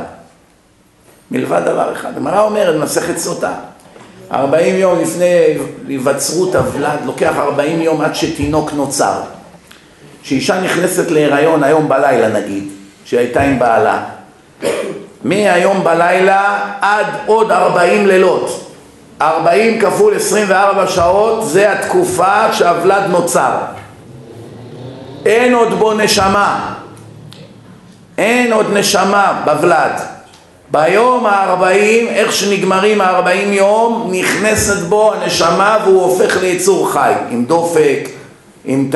עם גלי מוח. מושלם, מושלם. הושלם הבריאה שלו. לכן הגמרא אומרת, מי שרוצה בנים זכרים, מהרגע שאשתו התעברה, יש לו ארבעים יום להתפלל שהעובר, השם יעשה אותו זכר. ואם הוא רוצה נקבה, ארבעים יום ראשונים הוא מתפלל. אחרי זה נגמרה כבר יצירתו. אתה מתפלל לקיר. נגמר כבר. יש כבר זכר, יש נקבה. אם תתפלל שאשתך תהפך לגבר, זה יעזור משהו? אם אשתך תתפלל שתהיה בן אדם, זה יעזור משהו? זה בידך. אתה צריך להיות בן אדם. פה זה כבר יצירה, זהו, זה זכר או נקבה, גמרנו. עכשיו תתפלל, תתפלל. בחודש השישי, מה אתה מתפלל, משה? רוצה בת. מה בת? זה כבר ידוע מה זה עכשיו. היית צריך בהתחלה. אבל זה ממש לא 40 יום. למה? אישה שהייתה עם בעלה היום והיא התעברה, היא לא יודעת שהיא התעברה. מתי היא תדע? אבל לאה התפללה. ש... סליחה? לאה. התפללה בהתחלה כבר, לפני. אז עכשיו, עכשיו אישה הלילה הייתה עם בעלה, סליחה ברשותך, כן? כתוב בפרשת תזריע, כשאישה תזריע כן. זרע וילדה בן זכר. נכון. אז איך אני אתפלל? אני אתפלל לרוב שיהיה לי בן זכר, סליחה ברשותך, כן. ובעלי נקבה. אז זה כתוב בתורה, אישה תזריע זרע וילדה בן זכר. נכון. אולי תסביר לי את הפירוש הזה. כן, נכון. נכון? נכון, ככה כתוב. היום מציאות היום, היום המציאות היא, יש בן אדם שיכול לקבוע את סוג העובר, חוץ מרופאים במעבדה, דרך אגב היום אתם יודעים, המדע כבר יכול לקבוע את סוג העובר. הפרשה שניתנת בפרשת ויקרא, שזה הרש"ש מביא בפרשת ויקרא, בפרשת תזריע, לא פרשת ויקרא, הוא מביא שמה שיש אפשרות להשפיע על זכר ונקבה. כל מה שאתם אומרים לא, לא חדש לנו, כולם יודעים את זה, זה לא סוד חדש. מציאות במציאות היום, בלי הרופאים, אפשר היום לקבוע או לא? כן, אפשר לא לקבוע, רק כבוד. הרש"ש כותב, זה לא. אולי זה עניינים קבליים, אני לא יודע. כן, יכול להיות. תזריע ירדה זכר. מה זה תזריע? תסביר לי. מה זה איש... לא, זה לא זה. כן, לא, לא, לא. כן. לא. טוב, ששש. כן, כן, כן, בדיוק מה זה. אל תדאג, למדנו טוב את הסוגיות האלה. בכל אופן, רגע, נחזור רגע לעניין. אז 40 יום ראשונים אפשר לקבוע את סוג העובר בתפילה. אם היה אמור להיות זכר, אפשר להחליף לנקבה או הפוך. אחרי זה נגמרה יצירתו כבר, גם יש לו חיים. זהו, סגור העניין. שומעים? אז עכשיו, כבר התבלבלתי, איפה היינו? אה? איך ידעו שזה 40 יום? אה, מתי? ממתי היא נכנסה להיריון? ממתי? או, אז אישה היום לא יודעת מתי היא נכנסת להיריון. למה? נגיד שהלילה היא הייתה עם בעלה, והיא לא יודעת עכשיו שהיא נכנסה להיריון. הזרע נכנס בתוך הביצית ומתחיל עכשיו, אוקיי.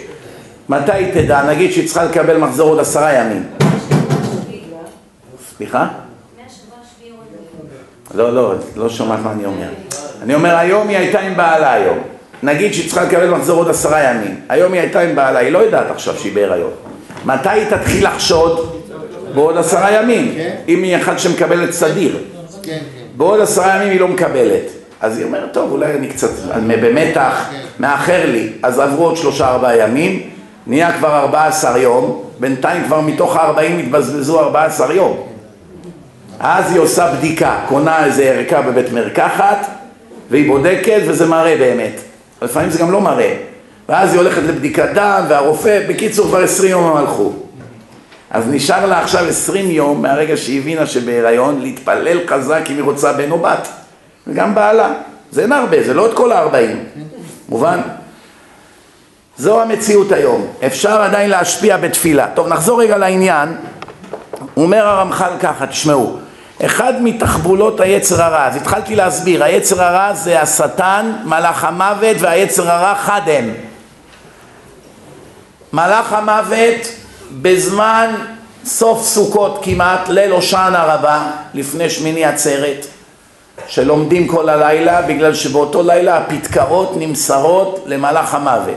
הזוהר מסביר איך נראה מלאך המוות. מלאך ענק, כולו מלא עיניים, רק עיניים, לא רואים כלום חוץ מעיניים. ברגע שאדם עומד להיפטר מן העולם, הוא מתחיל לראות את מלאך המוות. למה? הנשמה מתחילה לאט לאט לצאת מן הגוף, בהדרגה, כבר חודש לפני. היא נוטפת לאט לאט, נודפת, כמו גז. הנשמה לאט לאט יוצאת, לא במכה. ואז אתה חצי בתוך הגוף, חצי מחוץ לגוף. ואז אתה גם רואה דברים שאחרים מסביבך לא רואים. למשל, אותו אחד, העבדאי שהרביץ לחסיד, הוא היה תלמיד שלי בשיעור, אז הוא סיפר לי כל מיני דברים. אז אחד הסיפורים שהוא סיפר, זה שאבא שלו נפטר, הם היו גרים קומה שלישית, ומתחתם הייתה איזו אישה זקנה קומה שנייה. אבא שלו היה שוכב כל היום חולה במיטה, זקן, וכבר ידעו שאין לו הרבה עוד זמן לחיות. פתאום אבא שלו אומר לו, מה עושה השכנה רחל פה?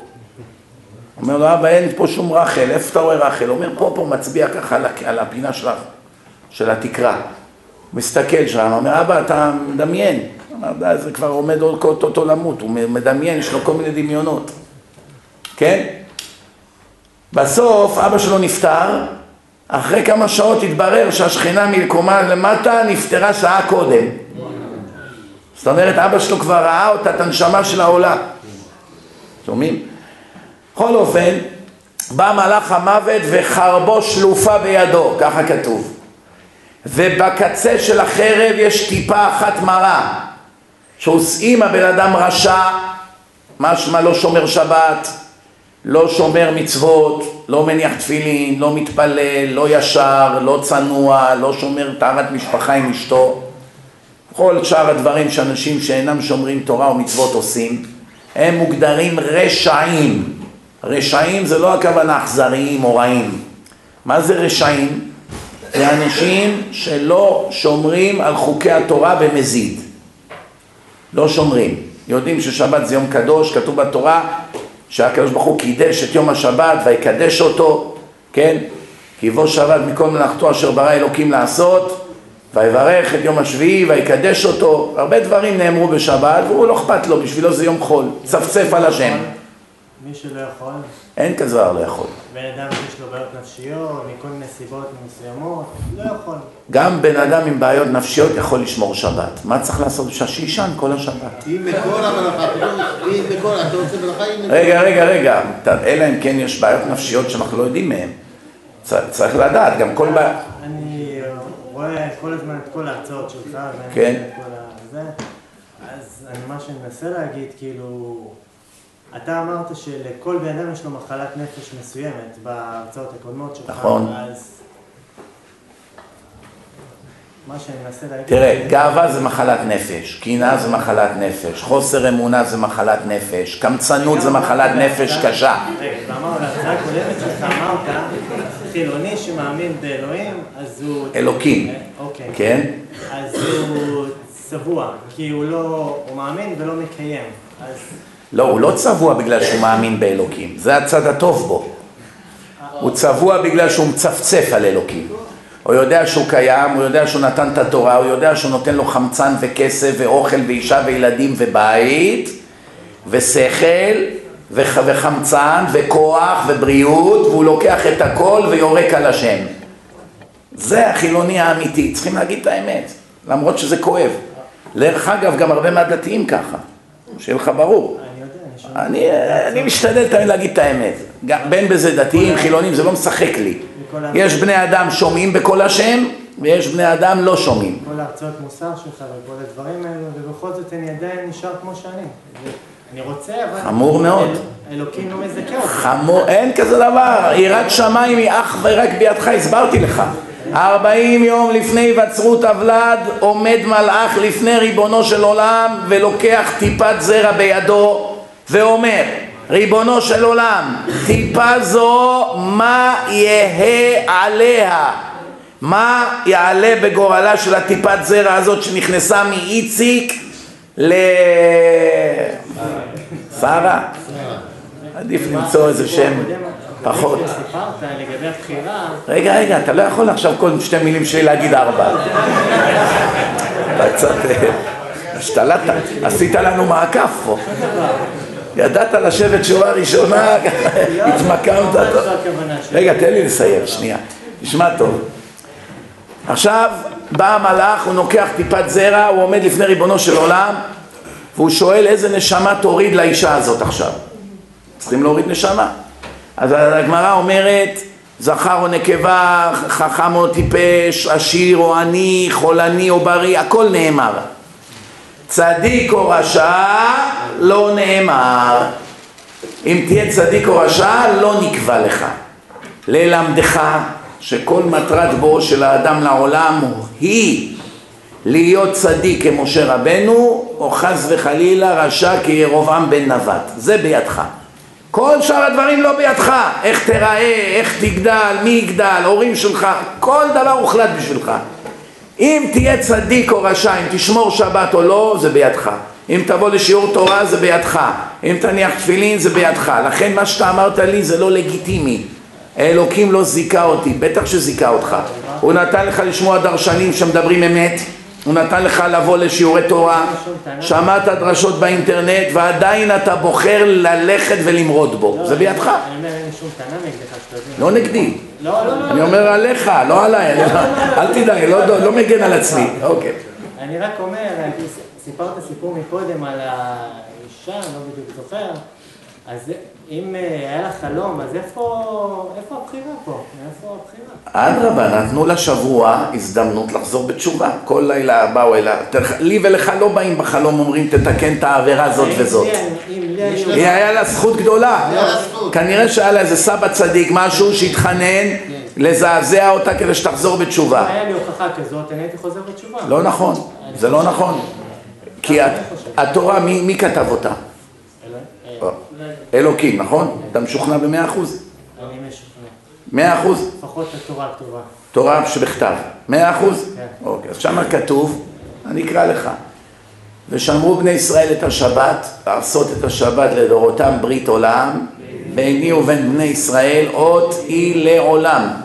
כי ששת ימים עשה השם את השמיים ואת הארץ, וביום השביעי שבת וינפש. לא ברא כלום, שבת מיצירה, כן? מה ההמשך? מחלליה מות יומת. צריך למות בעולם הזה יותר צעיר, ובעולם הבא הוא מת. הוא לא, אין לו חלק לעולם הבא. ונכרתה הנפש ההיא מישראל. עכשיו אני אשאל אותך שאלה. אם אני הייתי עכשיו שולף אקדח, מכוון לך אותו בין העיניים, ואומר לך עכשיו אני רוצה שתעמוד פה ותתחיל לצרוח, שמע ישראל, בבכי, אם לא אני, איך אומרים, משחרר עליך עשרים כדורים עכשיו. היית קם לצעוק שמע ישראל או לא? או שהיית נותן לי לירות בך? מה קרה? אני מתחיל להשתכנע שאתה אולי באמת פטור משמירת שבת.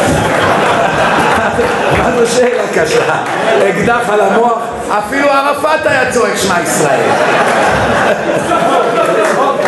לא, לא בצ... אה, אתה לא, אוקיי, התחלתי להיבהל, אמרתי, מה הולך? בסדר, הצלחת להצחיק, ברוך השם. בוא עכשיו נהפך לרציניים, זה ויכוח של חיים, של חיי נצח, מה שאני מתווכח כל מה איתך. שמדברים מהמוסר וכל זה, ובכל זאת אני... הלב שלי, איך שאומרים, הקשה הלב פרעה, הלב שלי עדיין כאילו זה לא מזיז לי, זה לא... יש דרכים להתמודד עם היצר הרע. כאילו. תקבע לעצמך חוק שכל פעם שתחלל שבת תצטרך לתת 5,000 שקלים קנס לישיבה. חוק. תכתוב, תשים אצל חבר, אם אתה מכיר איזה דתי, שים אצלו 5,000 אה, פיקדון, תגיד לו כל פעם שאני מחלל שבת, אתה לוקח את הכסף ונותן אותו לישיבה לעניים שם, שילמדו תורה. לא. זה לא, לא, רגע, תקשיב טוב, עכשיו שתבוא לחלל שבת, זה כבר לא חילול שבת, זה 5,000 שקלים. זה כבר כואב. מתוך שלא לשמה, בא לשמה. ככה עושים הילדים. אם תתפלל יפה, תקבל גלידה.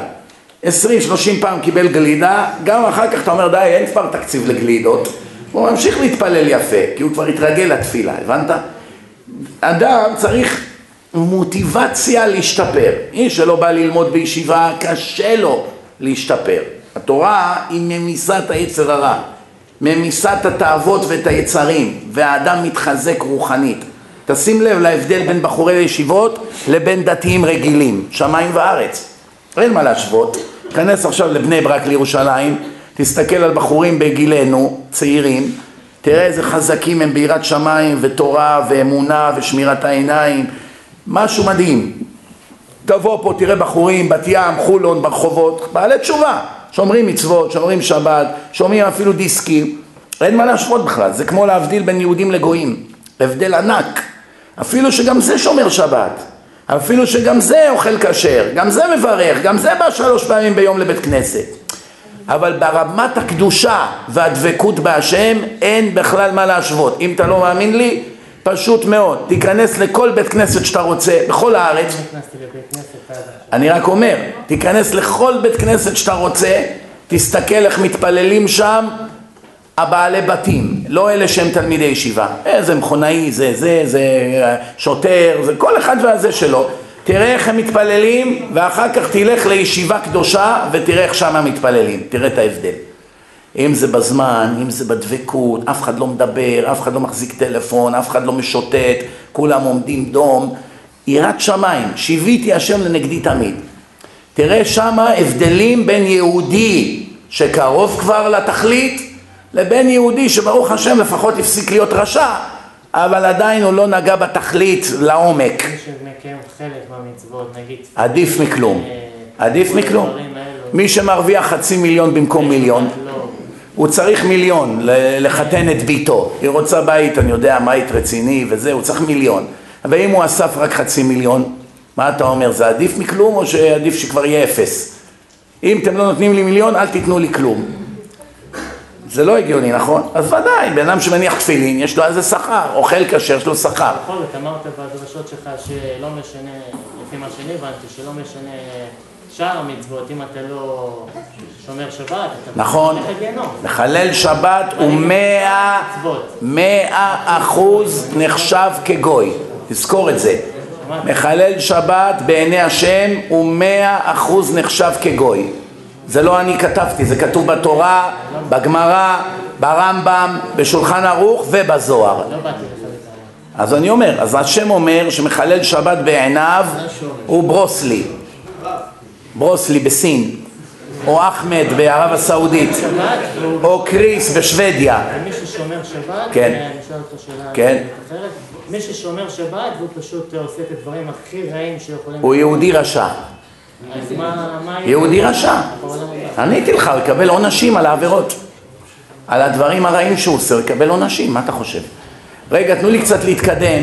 אז התחלתי להסביר, הכל בידי שמיים חוץ מיראת שמיים. מלאך המוות בא לאדם עם חרב שלופה בידו. אם הוא רשע, הוא שם לו את הטיפה בתוך הפה, מהטיפה הזאת האדם מסריח ומוריק, הכוונה צבע העור שלו משתנה אחרי שהוא מת. מהטיפה הזאת שהמלאך שם לו, שולף את נשמתו עם החרב הזאת. זה חרב של מלאך המוות. זה פסוק בנביא. והמלאך עומד לימינו של יהושע וחרבו שלופה בידו, זה מדובר על השטן, כתוב מפורש, השטן. זה מלאך עם חרב. מלא בעיניים. ואם הבן אדם הזה צדיק, הוא מוציא לו את הנשמה בלי כאבים, ולא רק זה, הוא גם אומר לו, שמעתי מאחורי הפרגוד שמכינים לך מקום חשוב מאוד בעולם הבא. הוא כבר מרגיע אותו לפני הדין, תראה איזה יופי. זה כמו עכשיו שבאת לבית משפט והפחידו אותך, תביעה, מכתבים, איומים, זה שעובד עם השופט, המזכיר, זה שמדפיס הכל, חבר שלך מהצבא, איציק, תהיה רגוע, דיברתי עם השופט, אין לך מה לדאוג. הוא לא אמר הרבה, מה דיברתי עם השופט, אין לך מה לדאוג. איך יורדת לך אבן מהלב עכשיו? אתה בא לשופט, מחייך, יושב, אנשים וזה, מה, מה קרה? אמא שלך באה אומרת לך, מה קרה לך? הם מטומטם, תקרא תהילים, מה אתה עושה? אמא, אה, אין לך ביטחון בהשם? במסל יהודייה פתאום, כן? יש הרבה אנשים מאמינים בהשם, כי יש להם אבא עשיר, נותן להם כרטיס אשראי, כל היום מגהצים. יותר מהמנקה אפילו. אומר לי, אני בוטח בהשם, בטח תבטח בהשם, אבא שלך מיליארדר, נתן לך credit card, כל דבר קונה, מה שאתה רוצה, מטייל, ניו יורק, ירושלים, מכוניות שכורות, איך אומרים? השם. יש לו ביטחון בהשם. תן לאבא שלו להעיף אותו לחודשיים ככה שביתה, נראה מה, איזה אמונה יהיה לו בהשם. אז נדע מי הבן אדם באמת. אם אדם עכשיו היה לו מכונה שיש שם כמה כסף שהוא רוצה, כמו אה, כספומט, אומר לו, מה שאתה רוצה תוציא. היה לו דאגות? היה דואג על המשכנתה? לא ראיתי שגם שם יש אנשים. ערב טוב גם לכם. טוב, היה דואג ממשהו? הוא צריך יום אחד לחתן את הילדים, היה דואג? לא, מה, כמה שצריך, אני מוציא, מה הבעיה? שולף, רושם, נותן. דרך אגב, אם יהודי הוא מגיע למדרגה של 100% ביטחון בהשם, בדיוק ככה החיים שלו. הוא יכול לרשום צ'קים בלי לדאוג. השם יכסה את הכל. יש איזה צדיק אחד בירושלים, שאחד הבחורים מאיפה שאנחנו גרים במונסי, הוא למד בישיבה בירושלים. יום אחד הוא בא לצדיק הזה לשאול אותו שאלה בגמרא, זה היה בצהריים. הוא עולה לו לדירה שלו בירושלים, הוא שואל אותו על הגמרא הזאת, והצדיק אמר לו, "אה, אני בדיוק נוסע להתפלל מנחה בכותל, אתה רוצה לבוא איתי? אומר לו, כן, נדבר על זה ב... נדבר, מה קרה, לא הפסיק לעבוד? מה? כן. שיטה ישראלית, אין מה לדאוג, אין מה לדאוג. איך אומרים? כשאומרים לך אל תדאג, אתה מתחיל לדאוג. בקיצור, אז ה- הצדיק הזה אומר לו, אני נוסע להתפלל מנחה בכותל. אתה רוצה לבוא איתי, נדבר על זה בדרך. אומר לו, כן, כבוד הרב. אז הוא שואל את אשתו, שרה, איפה הכסף? היא אומרת, יש עשרה שקלים על המדף. עכשיו, מונית לכותל, חמישה עשר שקלים הלוך, חמישה עשר שקלים חזור. אז, לפני עשרים שנה. אז עכשיו, הוא אומר לו, הבחור, כבוד הרב, אני באתי מהישיבה, לא הבאתי איתי כסף, זה לא מספיק למונית. הוא מסתכל עליו, הוא אומר, מה, אתה מנהל את העולם או שהשם מנהל את העולם? הוא אומר לו, כן, אבל אין לנו מספיק כסף למונית, שלא תחשוב שלי יש. אומר לו, לא, אני לא הייתי לוקח ממך במילא כסף. אנחנו, השם יודע מה אנחנו צריכים, אנחנו רק עושים קצת השתדלות פה, זהו. לוקח את העשרה שקלים ויורד. עוצר מונית, זה הבחור העיד בפניי. עוצר מונית, שואל את הנהג כמה זה לכותל, 15 שקלים. אומר, כנס. נכנסים, יש לו רק עשרה שקלים. עוד עשר דקות, הנהג יגיד לו 15 שקלים, הוא יגיד לו, יש לי רק עשרה שקלים. איזה בושות יהיה, חילול השם, נורא, לא? הוא רגוע, מדבר איתו על הגמרא, והוא אומר, אני בכלל לא יכולתי להקשיב לגמרא עכשיו. אני רק חושב מה יהיה עוד עשר דקות. נסענו שתי דקות, הנהג אומר, "או, אכפת לכם שאני אקח עוד אחד על הדרך? הרב אומר לו, לא, קח. הוא אומר לו, לאן? אומר לו, לכותל. טוב, כנס קדימה, כל אחד מכם עשרה שקלים. הוא אומר, התחלתי לראות. התחלתי לראות. אמרתי, טוב, נס ראשון ראיתי בעיניים, עכשיו איך נחזור? מעניין איך נחזור. פתאום נהיה לו אמונה עכשיו. מגיעים לכותל, איך שיורדים מהמונית, רץ אליו, כבוד הרב, אני מחפש אותך חודש. יש לי עניין חשוב לדבר עם הרב. אומר לו, אני עכשיו באתי להתפלל מנחה. אומר, אפשר לתת לרב אה, טרמפ הביתה חזרה? כן. הוא מחכה שם, גמרו, נכנסו למונית, חזרו, עשרה שקלים, הלוך חזרו. אז אני שמעתי את הסיפור הזה, אני מודה ומתוודה את חטאי מזכיר אני היום, לא האמנתי לו לבחור, למרות שהוא בחור ישיבה והוא לא מוחזק לשקרן, לא האמנתי לו, אני מודה. עברו כמה חודשים, יום אחד איזה בחור אחד אומר לי, תשמע, אתה היית בנקאי פעם, יש לי חבר, הוא עומד לחתום על איזה חוזה עם בנק, אני רוצה שתעבור על החוזה לפני שהוא חותם, אכפת לך? אמרתי לו, איפה זה? הוא אומר, אל תדאג, באוטו. אתה תבוא עם האוטו, אתה לא צריך לעלות, להחנות, שום דבר, הוא ירד לאוטו. אמרתי לו, בסדר. אמר לי איפה לבוא, עברתי משם, ירד הבחור והוא, שניהם. יושבים באוטו ואני עכשיו עובר על החוזים, פתאום הוא אומר לי, אתה יודע מי זה הבחור הזה? אני אומר, לא, לא, בן של הרב זה וזה, ההוא מהסיפור. אמרתי לו, תגיד, יש לי שאלה אליך. מישהו פעם סיפר לי כך וכך את הסיפור, שאבא שלך לקח עשרה שקלים וירד ונכנס למונית וזה, אז הוא מסתכל עליי, אומר לי, מה, אתה לא יודע, אבא שלי זה שש, שבע פעמים ביום קוראים לו כאלה ניסים. כל החיים שלו זה ככה, אין לו בכלל פחד מהעתיד. הוא חי הכל בניסים. אז יש כאלה יהודים בעולם. זה לוקח הרבה שנים להגיע לכזו מדרגה, אבל זה כתוב מפורש בתורה. זה מה שאני... אנחנו כל כך טיפשים, זה מדהים. זה פסוק, זה הבטחות של בורא עולם, זה לא איזה מפקד מבטיח, ואחרי שירית במחבל הוא מתנער ממך. או איזה עיתונאי או איזה חבר כנסת. יש איזה חבר כנסת, חצי מיליון איש הצביעו לו. נכנס לכנסת, יום אחד קיבל התקף לב. עכשיו הוא מגיע לבית דין של מעלה, אומרים לו תשמע, לצערנו הרב היית מחלל שבת, אוכל טרפות, לא הבן אדם הכי ישר בעולם, יש לנו תיק שמן נגדך. מצד שני, כתוב שאדם נפטר, מתחשבים במה הציבור חושב עליו. יש לך חצי מיליון מצביעים, זה לא פשוט. לכן אנחנו נראה לך את הגן עדן ואת הגיהנום ואתה תגיד איפה אתה מוכן להיות. הוא אומר איזה יופי. טוב, מה? אומר קודם כל נתחיל בגיהנום. בבקשו, תראו לו מה הולך בגיהנום.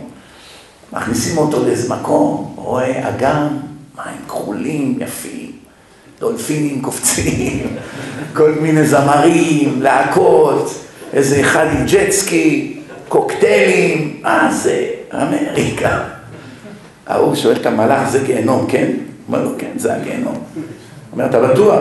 יש עוד גיהנום? אומר, לא, לא, זה הגיהנום היחיד. איזה יופי, כבר טוב, אין מה לדאוג.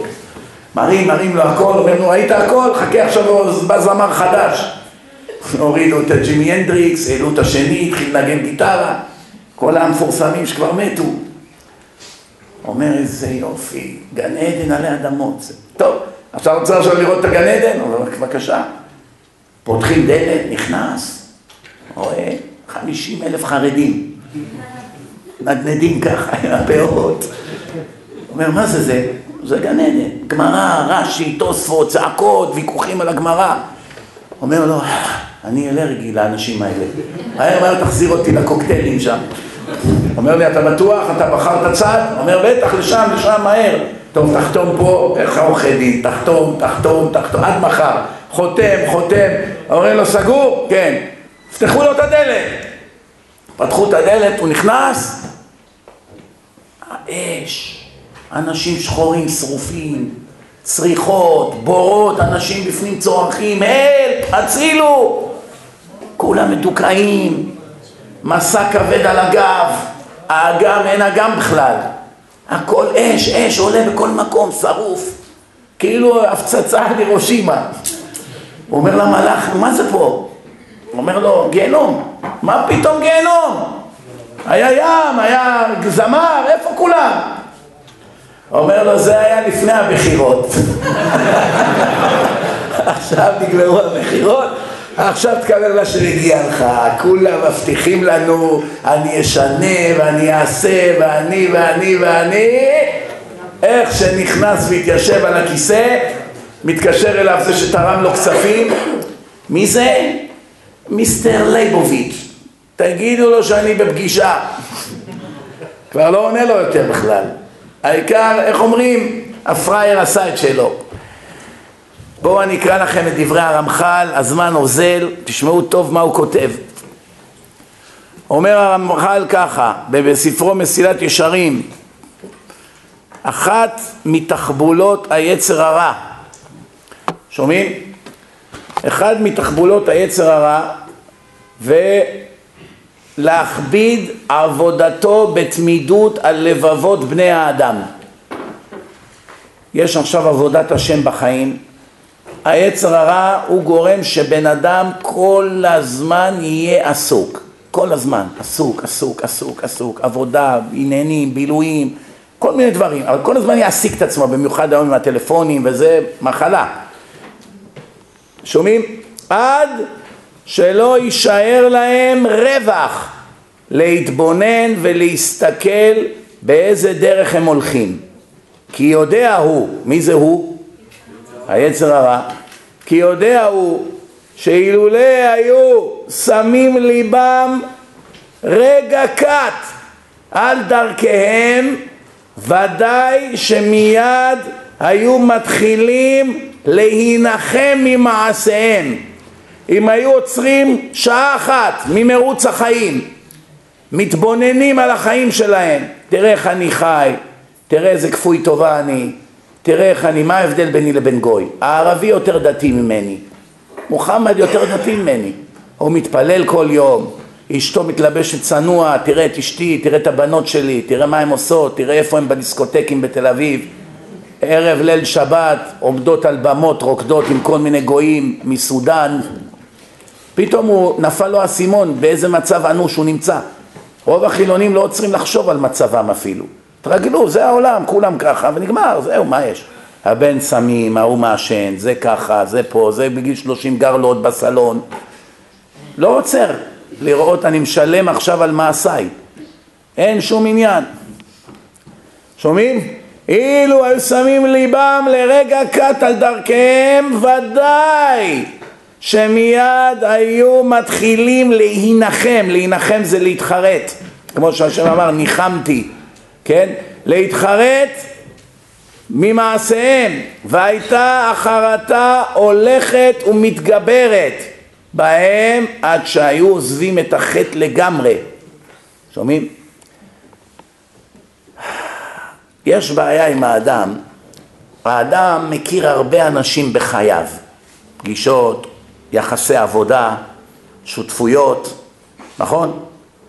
מפקד, חיילים, יש הרבה היכרויות בחיים, אנחנו מכירים אלפי אנשים בחיים. אשתו הראשונה, אשתו השנייה, אשתו השביעית, זאת אומרת יש לו הרבה אנשים שהוא מכיר בחייו. עם מי האדם פוחד להיפגש כל ימי חייו? עם מי האדם פוחד להיפגש?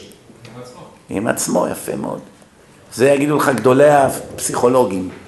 אדם פוחד להיפגש עם עצמו. הוא יודע שהוא יקבל חלחלה כשהוא יתברר לו מיהו. גאוותן שרוח, קריזיונר, חולה שקר, קנאי, בזוי, חוסר צניעות, מתנהג כמו בהמה, אוכל כמו חזיר, רוצח אנשים בפיו ובאצבעותיו על המקלדת, כפוי טובה לבוראו, משתמש בחמצן בחינם ולוקח אותו ולא אומר תודה ומשתמש בו נגד הבורא, שותה מים ויורק אותם על בורא עולם, ילדים מגדל אותם להיות בהמות ובעלי חיים, זה החיים שלו, אז הוא פוחד מזה, פתאום יצטרך לתת דין על מעשיו לעצמו. לכן זו הסיבה שהרבה מהאנשים בעם פוחדים לשמוע דיסקים. נותנים להם דיסק, תראה את הסרט הזה, שעתיים, מדהים, תכלית החיים, לא מעוניין. אני אשלם לך כסף, שעתיים, כמה אתה מרוויח בשעה? 20 שקלים? 30? הנה 100 שקלים, שב תראה, שעתיים, לא מוכן. זה בין בעל ואישה, כל יום אני מקבל תלונות כאלה, אשתי לא מוכנה לראות. תן לה ככה, תקנה לה, שמלות, שעון, לא יודע מה, פסמים, מה היא רוצה? לא מוכנה, בכל מחיר, קנה לה אוטו, לא מוכנה. שעתיים, למה היא לא רוצה לראות?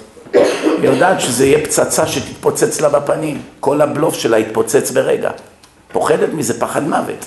להבדיל מהאדם שפוחד מניתוח שיש בו סכנת חיים, פה יש ניתוח של הנפש, של הנשמה. אם אדם יושב ויעיין ויתבונן במעשיו, הוא ייגאל, ייגאל מעצמו. לא יוכל להסתכל על עצמו במראה יותר. איך הוא הולך לישון, איך הוא קם, שום דבר, לא דין, לא דיין, לא הכרת הטוב, כפוי טובה, מנצל אנשים, מרמה אנשים, גונב, כל לקוח שנכנס אליו הוא הורס לו את החיים. היום בדיוק הייתי באיזשהו מקום ובדיוק על הטלוויזיה היו מדברים שיש כאן איזה חברת כבלים שאיך אומרים, כמו בהוטל קליפורניה, you can check out any time but you can never leave. ברגע שאתה חתמת איתם, שהכניסו לך את הסטרא אחרא לסלון בבית, אתה לא יכול להתפטר מהם. והשמיעו שם שיחה שאני כמעט התעלפתי מחלחלה, ממש עוד שנייה הייתי מקיא. סוכן מכירות מנסה לעבוד על איזה אישה אחת. לא נותן לה להתנתק. אין, אין. אבל למה? מה פתאום? אנחנו הכי טובים, שירות שלנו הכי טוב. לא מוותר, רבע שעה. אומרת לו, אדוני, תכבד את בקשתי. אין כזה דבר. אמרתי לעצמי, השתבח שמו, למה השם מראה לי את זה עכשיו? למה אני רואה עכשיו את הקטע הזה? זה בדיוק היצר הרע. ברגע שנתת לו להיכנס, קשה מאוד להוציא אותו. לפתח חטאת רובץ, ככה כתוב, חטאת זה אחד משבעה שמותיו של היצר הרע. לפתח חטאת רובץ, איך שפתחת לו פתח, חדר פנימה. להבדיל, השם אומר ליהודי, פתח לי פתח כפתחו של מחט, ואפתח לך כפתחו של אולם, תעשה חודש חודשיים מאמץ להתקרב אליי, אני אפתח לך את כל העולם כולו. אני אעשה לך הכל, רק תראה שאתה מעוניין, תעשה צעד, צעד קדימה, תושיט יד, איך אומרים? תושיט יד לשלום. הושטת יד לשלום לערפאת ולמחבלים, לא תושיט יד אליי לעשות איתי שלום, שאני נותן לך חמצן ואוכל כל ימי חייך? אבל אנשים בשלהם. למה? יצר הרע, אוכל אותך מלפנים. מה אני אפסיד? אני אצטרך להיות בבית בשבת. מה, אני עכשיו אלך לבית כנסת? איך אמר היהודי היקר פה, היום זו פעם ראשונה שהוא נכנס לבית הכנסת. כמעט שיש לי מודעות עצמית. מאז שהוא מבין מי הוא.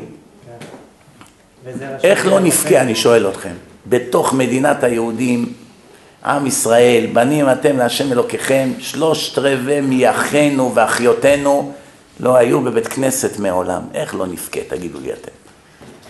הבנתם או לא? בגלל שאני שומע את הרוח שלך, פשוט רציתי לראות אותך. זה כבר- אז זכית גם לבקר בבית הכנסת. דוד המלך היה מלך של כדור הארץ, ואתה יודע מה הוא אמר להשם?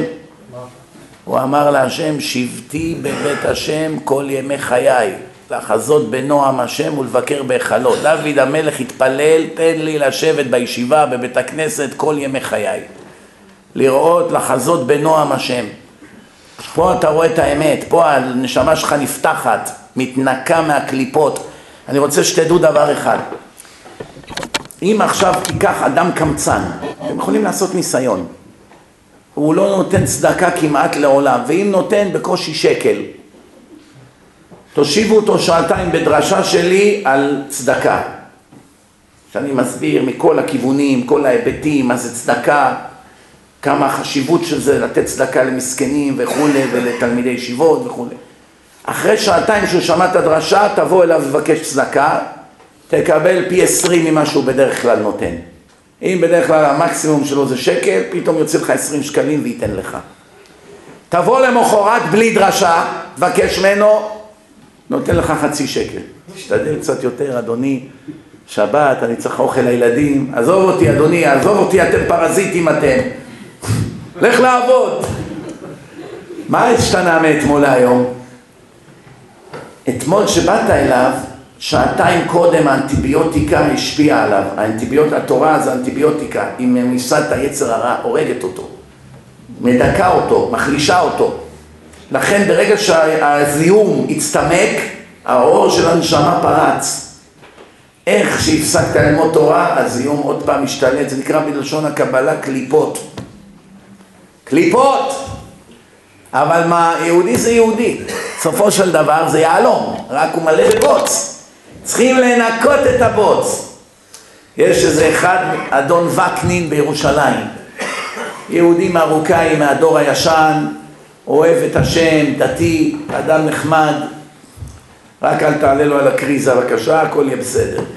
בקיצור, הוא יש לו מנהג יפה מאוד, כל יום חמישי בשמונה בערב באים אליו כל הנכדים ללמוד פרשת השבוע, עד עשר. כל הנכדים בירושלים.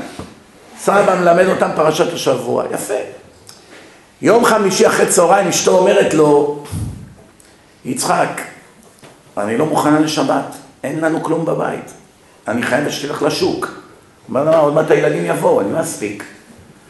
מה נעשה? מחר יום קצר, שבת, אין זמן עכשיו עד שתלך לקניות, עד שתביא, עד שאני אבשל, לא נהיה מוכנים. אומר, אל תדאגי, אני אתפלל מאוד מוקדם מחר, נספיק, אל תדאגי, אני אעזור לך לזה. לא מבטל את השיעור תורה. אומרת, לא, לא, תגיד לילדים שיבואו מחר ב-10-11 בבוא, אחרי הבית ספר, שיבואו. תלמד אותם את הפרשה מחר. מה יקרה? לא, לא, לא, זה קביעות, לא, לא מסכים.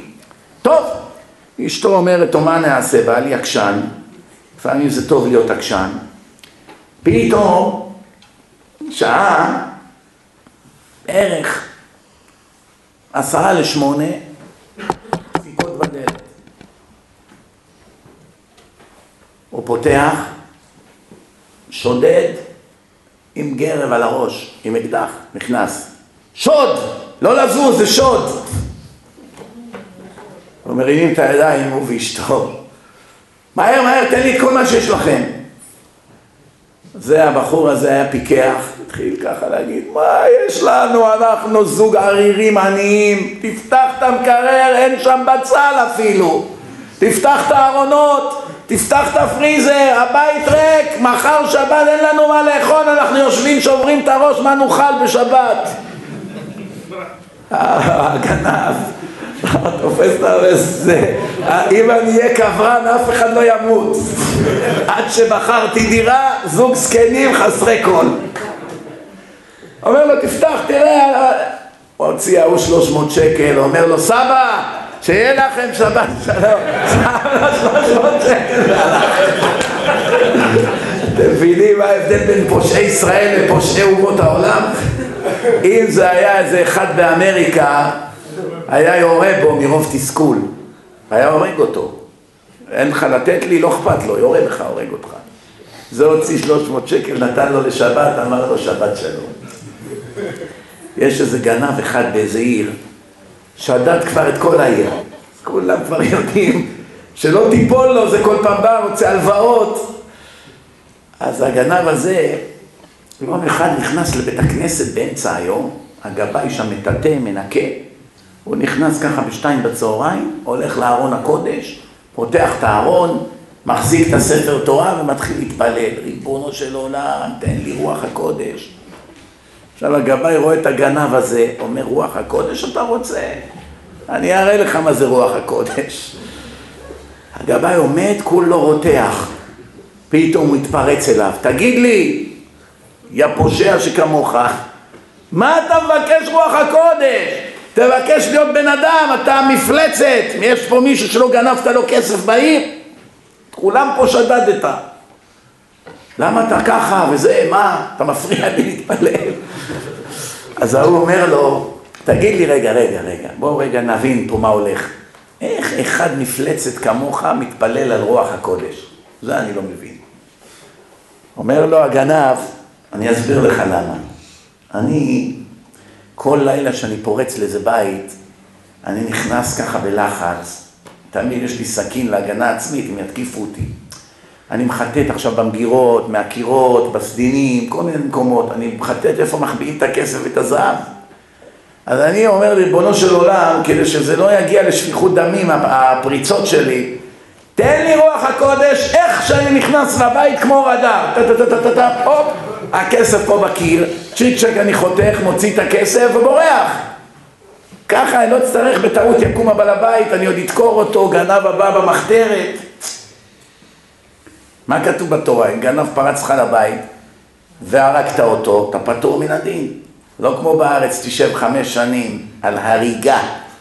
פגעת לאחמד ברגשות.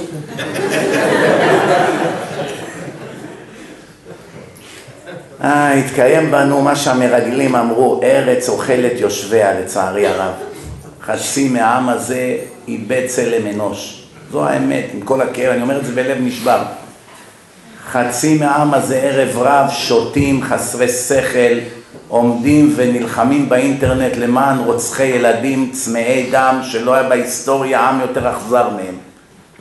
מי יותר אכזר, הערבים או הנאצים? כולם צועקים הערבים בגלל שזה עכשיו טרי. נאצי היה לפני 70 שנה. תסבירו לי למה הערבים יותר אכזריים מן... קודם כל אני לא אומר שכולם ככה, יש גם טובים, בכל עם יש טובים. גם אצלנו לא חסר אכזריים. אבל אני אומר באופן כללי, שמסתכלים על הקונפליקט של היהודים עם הערבים שהוא נמשך כבר אלפי שנה. מי יותר אכזר? העמלקים, הנאצים או הערבים? מי שונא את היהודים יותר, הערבים או הנאצים? למה ערבים? אתה אומר הנאצים? לא, אני סתם אה. אני עוד לא עניתי תשובה, איך אתה כבר יודע שזה הערבים? אוקיי. אני שואל, מי שאומר הערבים יכול להסביר לי למה? הם הורגים את עצמם. יפה מאוד. בתוך שנייה הוא ענה את התשובה. נאצי שונא יהודים, ודאי. רוצה לשרוף את כולם, ודאי.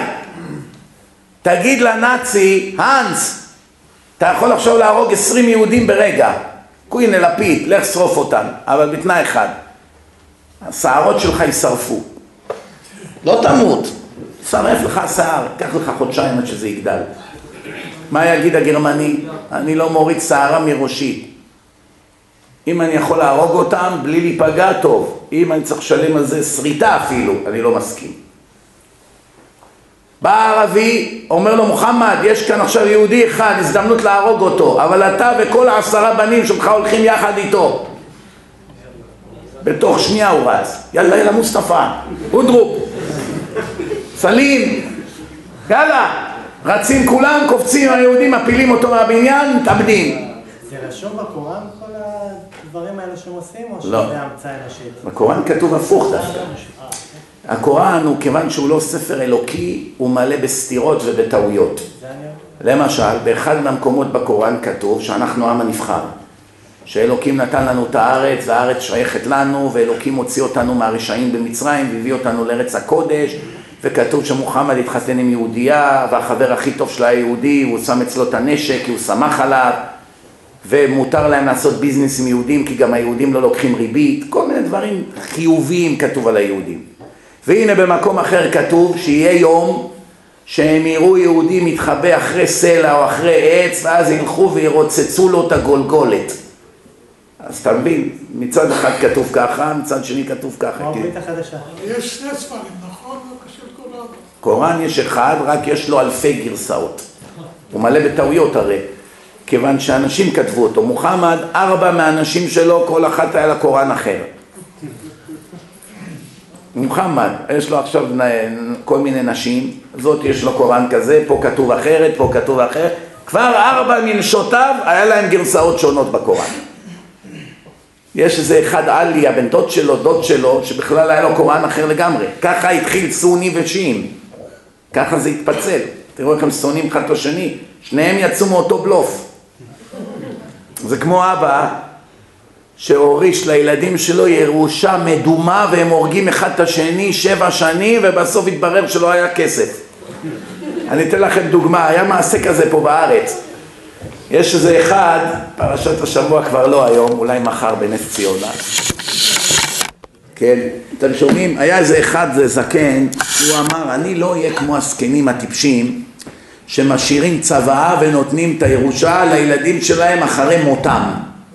אני אתן את כספי לבניי בחיי, בחייהם, כדי שאני אראה בעיניי איך הבנים והנכדים שלי נהנים מהכסף שלי. מה יעזור לי שאני אהיה כבר בעולם הבא, אני אשאיר להם את זה אצל העורך דין? לפחות פה אני רואה הם נהנים מהכסף שלי. מה אתם אומרים, חכם או טיפש? למה טיפש?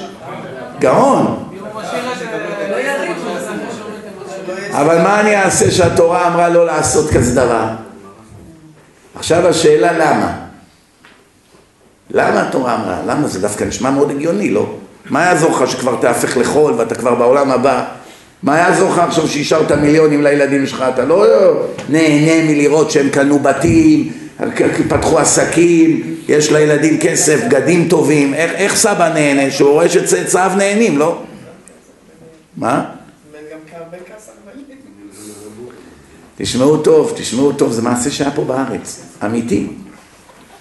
איך שהוא נתן להם שליש, שליש ושליש, בהתחלה חודש ראשון הזמינו אותו לשבתות, ראובן, שמעון, לוי, כל, כל שבת מישהו אחר. כעבור, כעבור כמה חודשים הוא כבר נהפך למטרד. אה, מה כתוב? שלמה המלך, מה כתב? אל תשליכני לעת זקנה, ככלות כוחי אל תעזבני. איזה מילים, לפני שלושת אלפים שנה. כבר אז היו כאלה אנשים, זה לא רק היום. לכן זה נכתב בתנ"ך. תשמעו טוב, הוא רואה פתאום הזקן, הוא גלמוד, אין לו אישה, הוא כבר אלמן. שלושת הבנים שלו עזבו אותו להנחות. הוא בא לבכות לרב, כבוד הרב עשיתי טעות חמורה, מה? נתתי את כל כספי לבניי, שכחו ממני. כל שבת אני לבד יושב בין ארבע קירות. אומר לו הרב, אמנם עשית טעות, אבל ברוך השם, השם ריחם עליך, הביא אותך אליי. בוא אני אדריך אותך מעכשיו מה לעשות. מחר בבוקר תתקשר לבן הבכור שלך, תגיד לו אני צריך שתבוא עם טנדר בשעה תשע בבוקר. הבן שלך ישאל אבא מה אתה צריך טנדר? תגיד לו אני רוצה ללכת למנעולן לקנות כספת. הבן שלך יגיד אבא מה אתה צריך כספת? מה אתה התחלת להיות uh, סנילי? מה עכשיו כספת? תגיד לו, יש כל מיני אבנים יקרות, רובי, יהלומים כאלה ששמרתי, יש לי אוסף במשך השנים, זה עוד לא נתתי לכם, אני מרגיש שזה לא בטוח איפה שאני החבאתי את זה, אני רוצה שיהיה לי כספת, תתקעו אותה בקיר ככה טוב, ככה תגיד. ואז הבנים שלך כמובן ישמעו ככה, ירוצו כמו טיל, יביאו לך כספת, ירכיבו אותה הכל, ואז אתה תסגור ותגיד להם אחרי שאני אפטר מן העולם הרב פלוני אלמוני זה הרב שנותן לו את העצה הוא יש לו את הצוואה בידו. תלכו אליו והוא יחלק לכם את האבנים. טוב ככה תגיד להם. בקיצור הוא מתקשר לבן שלו אבא איך לא אמרת לנו כזה דבר? איך הסתכנת? מה אתה אדם זקן לבד ויש כל כך הרבה גנבים אתה איך לא פחדת כן אני עכשיו הבנתי שמעתי שפרצו להיא ופרצו להוא לפני שיגנבו לנו את כל היהלומים האלה והאבנים, מהר תביאו לי כספת. אבא, אולי תיתן לנו את זה כמו שנתת את הכסף? לא, לא, לא, זה, אני רוצה להשאיר לכם גם משהו אחרי פטירתי. מה, הכל הכל בחיי? טוב, טוב, אבא, נביא, נביא כספת. למחרת כבר הלכו, הביאו כספת, הזיעו, הרכיבו, הכל. טוב, שבע שנים, איך, איך, איך כתוב? ויחי יעקב. מה כתוב? שהשלושים וארבע שנה מהחיים של יעקב, מתוך המאה ארבעים ושבע שנה שהוא חי, היו גן עדן, כל השאר גיהנום. שבע עשרה שנה עד שיוסף נחטף, ושבע עשרה שנה האחרונות שהוא ירד למצרים ויוסף היה מלך. זהו, שומעים? זה הגימטריה של ויחי, ו' שש, י' עשר, ח' שמונה, י' עשר, שלושים וארבע. מתי יעקב חי? בשנים שהוא היה עם יוסף. אלה תולדות יעקב, יוסף. מה זה החיים של יעקב? הבן שלו יוסף. זה כל החיים שלו. 17 שנה ראשונות, 17 שנה אחרונות, זה מה שהוא קיבל מרחל. אז עכשיו האבא הזה שבע שנים, איך אומרים, נגמרו השבע שנים הרעות, התחילו שבע השנים הטובות. כל שבת רבים הצבועים האלה, איפה אבא יהיה? לא, הוא אצלנו, ראובן, שמעון, מה פתאום, שבוע שעברה הוא היה אצלכם.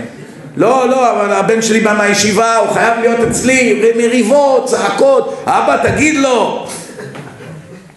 שבע שנים, הנכדים, שולחן שבת, קידוש, מואה מואה, יברכך השם וישמריך, איך אומרים, המליכו אותו מחדש. יום אחד נפטר, מעשה שהיה פה בארץ. מהר אלה רצו לרב, כבוד הרב, רגע, אני באמצע שיעור, עזוב עכשיו שיעור, אנחנו במתח. עזוב עכשיו שיעור. אומר להם הרב, אוקיי, תבואו, אני, יש לי את המפתחות של הכספת, אני אהיה שם עוד שעה, תפגשו אותי שם. בא הרב, פתח את הכספת, ערימה של חול. אלה חשבו אולי מלמטה אבנים. והיה איזה פתקה ככה תקועה, הנה ככה בדיוק הפתקה, תקועה למעלה בחול. מהר הם פתחו, ככה יעשה לבנים כפויי טובה אשר זרקו את אביהם לפח לעת זקנה. קחו כמה חול שאתם רוצים. איך אומרים? שילם, משלם לרשע כפרי מעלליו. קיבלו מה שמגיע להם. יש איזה אחד, ב, ב, או בבני ברק או בירושלים, איזה זקן חרדי, הוא שם מודעה שהדירה שלו היא למכירה. בא איזה רב אחד, תלמיד חכם, עולה, אומר לו כמה, בירושלים זה היה, זהו, נזכרתי, בירושלים. אומר לו כמה, אומר לו 250 אלף דולר. פעם היה זול הדירות בירושלים. אומר לו 250 אלף דולר. אומר לו הרב, השתגעת אדוני, זה אפילו 200 אלף דולר לא שווה.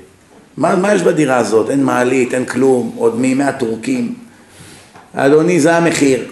טוב, כמובן שהוא לא ייתן לו עכשיו עוד 50 אלף דולר יותר ממחיר הבית. הלך. כעבור שנה נקלע הרב הזה עוד פעם לאותו רחוב, עוד הוא רואה את השלט למכירה. אומר עכשיו שהזקן הזה כבר התבשל טוב טוב, שנה הוא לא מוכר את הבית, אולי עכשיו הוא יתפשר על המחיר. דופק לו בדלת, אומר לו מה המחיר של הבית? אומר לו 250 אלף דולר. אומר לו אני לא מבין, מה השנה אתה לא מוכר את הבית עדיין 250 אלף דולר? אומר לו, או, זה אתה מלפני שנה, אז הזקן התחיל לבכות. אומר לו, מה, מה קרה?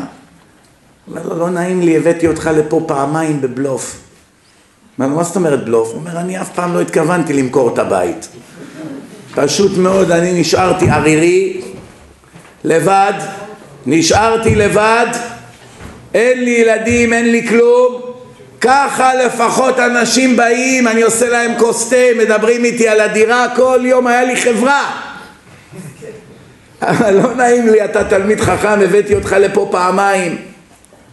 שומעים? עכשיו השאלה אם הזקן עשה כהוגן או לא, ובזה נסיים. מה אתם אומרים? אני אתן זמן לשאלות. מה שהזקן עשה, מותר לו או לא? מותר או לא? מה אתם אומרים? או שזה הונאה? מותר, אבל הם היו כפויי טובה איתו. לא, זה אנשים זרים ברחוב. מה להם ולא? אני לא. איזה סיפור? האחרון או... האחרון, עכשיו הזקן. אסור מה שהוא כתב למכירה? כתב, כתב למכירה. שאלו את הרב אלישיב, אמר מותר לו. למה? יהודי מעל גיל 70 נחשב כחולה, שמותר לחלל שבת באיסורים דה רבנן בשבילו. מגיל 70 והלאה הוא זקן. זקנים הם צריכים טיפול. מותר להגיד לגוי, תעשה לו, תביא לו, תביא אותו עם כיסא גלגלים, תכניס אותו, תעלה אותו במעלית. כיוון שיש לו דין של חולה, חולה כל העם חייבים בביקור חולים. אם אין לו מי שיבקר אותו, כולם חייבים. זיכה אותם במצווה. שאלות ונסיים. נו, יש שאלות? כן, בבקשה. הבחירה החופשית היא עובדת בדיוק כמו ה-GPS. עכשיו אתה שם GPS, שם כתובת. אם פספסת את היציאה בכביש, מה קורה ב-GPS? כל הדרכים וכל העתיד מתחלף. לא רק כביש אחד מתחלף, הכל, הכל, מיליון דרכים התחלפו. אתה מגיע לגיל עשרים, אומרים לך יש בחורה בשם רבקה, יפייפייה, אבל לא כל כך צדקת. יש בחורה בשם שרה, לא הכי יפה בעולם, אבל צדקת, כל היום צניעות, תהילים, תפילות, אהבת השם, רוצה שבעלה יהיה תלמיד ישיבה. עכשיו אתה הולך אחרי ההבל, שקר החן והבל היופי. כתוב יראת אישה יראת השם היא תתעלל, יראת שמיים יותר חשוב מיופי. הלכת אחרי היופי, נהרסו לך החיים, הילדים שלך השם ירחם, הנכדים שלך בכלל השם ירחם, כל מה שיקרה לך מהיום עוד אלף שנה בכל הגלגולים של הילדים, של הנכדים, הכל זה תוצאה של הבחירה שהיית בן עשרים. בחרת את היפה, אכלת אותה. אם שניהם צדיקות, בטח שתבחר את היפה. זה לא בושה להתחתן עם אישה יפה. אדרבה, אישה יפה מרחיבה דעתו של האדם, כתוב בגמרא. אבל יפה על חשבון צדיקה, אוי לנו מהשטות הזאת. אם היית בוחר בשנייה, הייתה דוחפת אותך ללמוד עשרים שנה, שלושים שנה בישיבה, היית נהיה רב גדול, בנים שלך כולם צדיקים, תלמידי חכמים, נכדים שלך, פתאום אחד הבנים שלך נהיה גדול הדור, כותב ספרים, מלך של העולם נהיית. זאת אומרת הבחירה זה לא רק פעולה חד, חד פעמית, אין כזה דבר ביהדות. כל צעד בחיים משפיע לך על הנצח. זה שבאת לכאן הלילה, הנצח שלך לעולם לא יהיה אותו דבר. אלה שלא באו, הנצח שלהם לעולם לא יהיה אותו דבר. אלה שהלכו באמצע, הנצח שלהם לעולם לא יהיה אותו דבר. אלה שילכו הלילה ויעשו תשובה ויגידו מספיק עם השטויות, אני מתחיל לשמור שבת, העולם שלהם, הנצח שלהם לעולם לא יהיה אותו דבר. הרווקים פה, כל העתיד שלהם יכול היום להתחלף. בגלל שהם קיבלו על עצמם כל מיני קבלות עכשיו בשעתיים האלה שאני מדבר, הם יתחילו לשמוע עוד קצת, יש כאן דיסקים בחינם שאנחנו תמיד מביאים. יש לנו סמינר ב-19 לחודש, עוד עשרה ימים בנתניה במלון, נשארו אני חושב עוד חמישה שישה חדרים, זהו. אפשר עוד להירשם, סמינר שלם עם הרב יגאל כהן ואני. לא. מה? תשובה. אין כזה דבר. שחר שמאי, הטלפון שלו 054-842-0242. שומעים? זאת אומרת, הבחירה היא משפיעה על כל הנצח של האדם. וכל מה שקשור ליראת שמיים, אתה בוחר. שאר הדברים זה לא בידך, כן.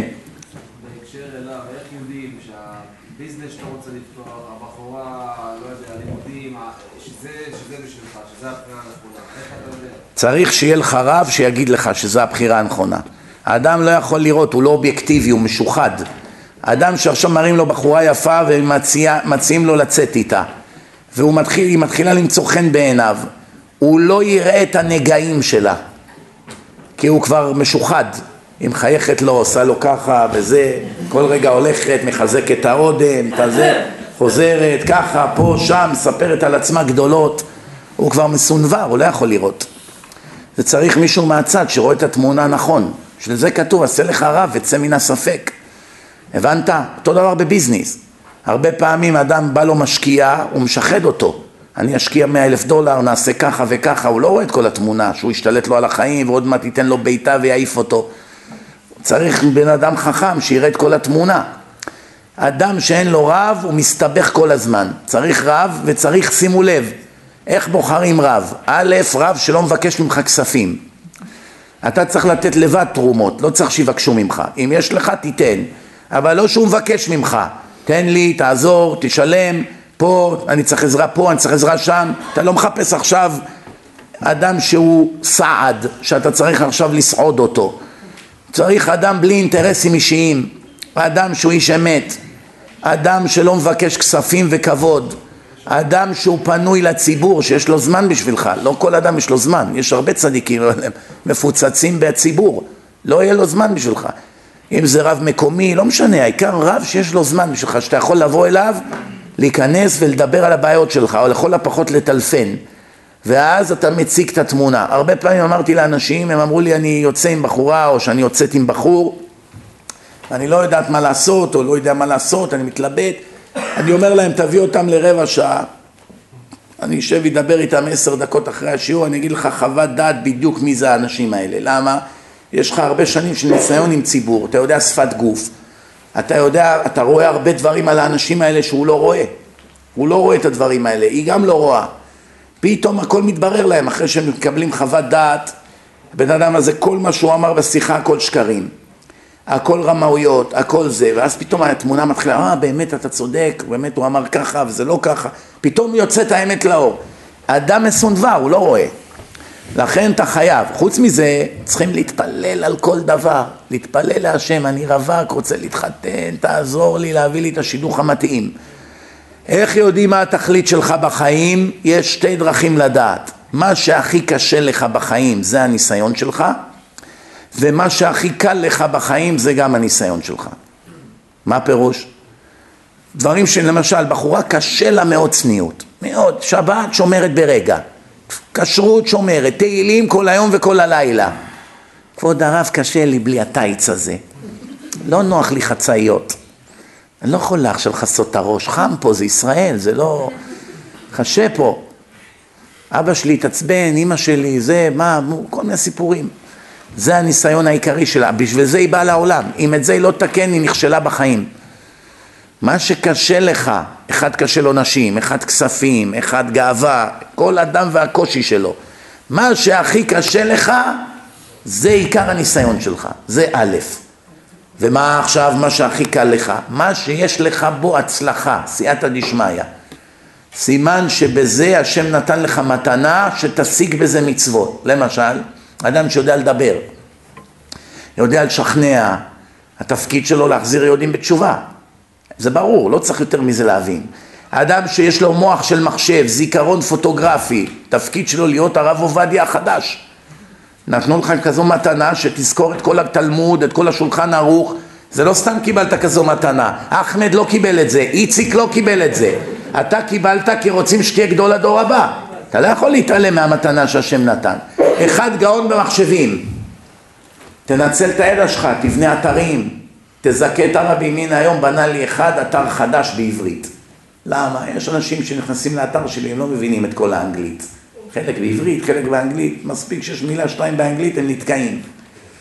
אמרנו, הגיע הזמן לעשות אתר יותר מודרני, שנות ה-21st century, איך אומרים בעברית? המאה ה-21, כן? ההוא כבר היה עוד במאה הקודמת, האתר, האינפורמציה האלוקית.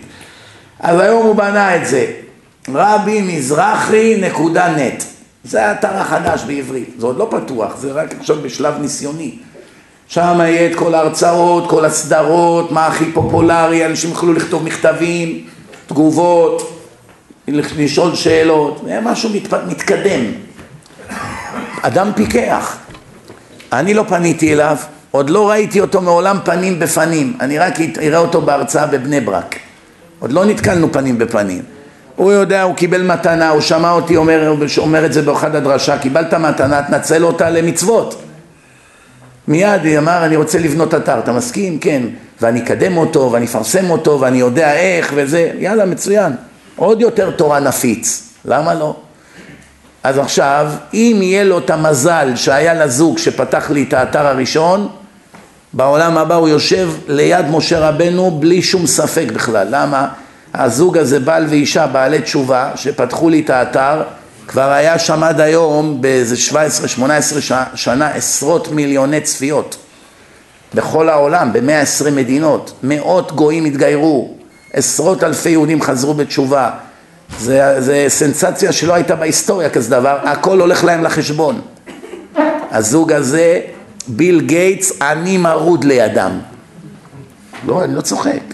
אין לכם מושג מה הם הרוויחו הזוג הזה. כמה הם השקיעו באתר? יומיים. זהו, יומיים. איזה כיף. קיבלת מתנה משמיים, ניצלת אותה נכון.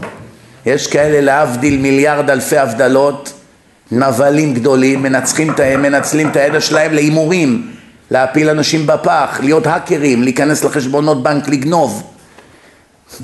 אותו מתנה קיבלת, השתמשת להציל נשמות או לרצוח נשמות?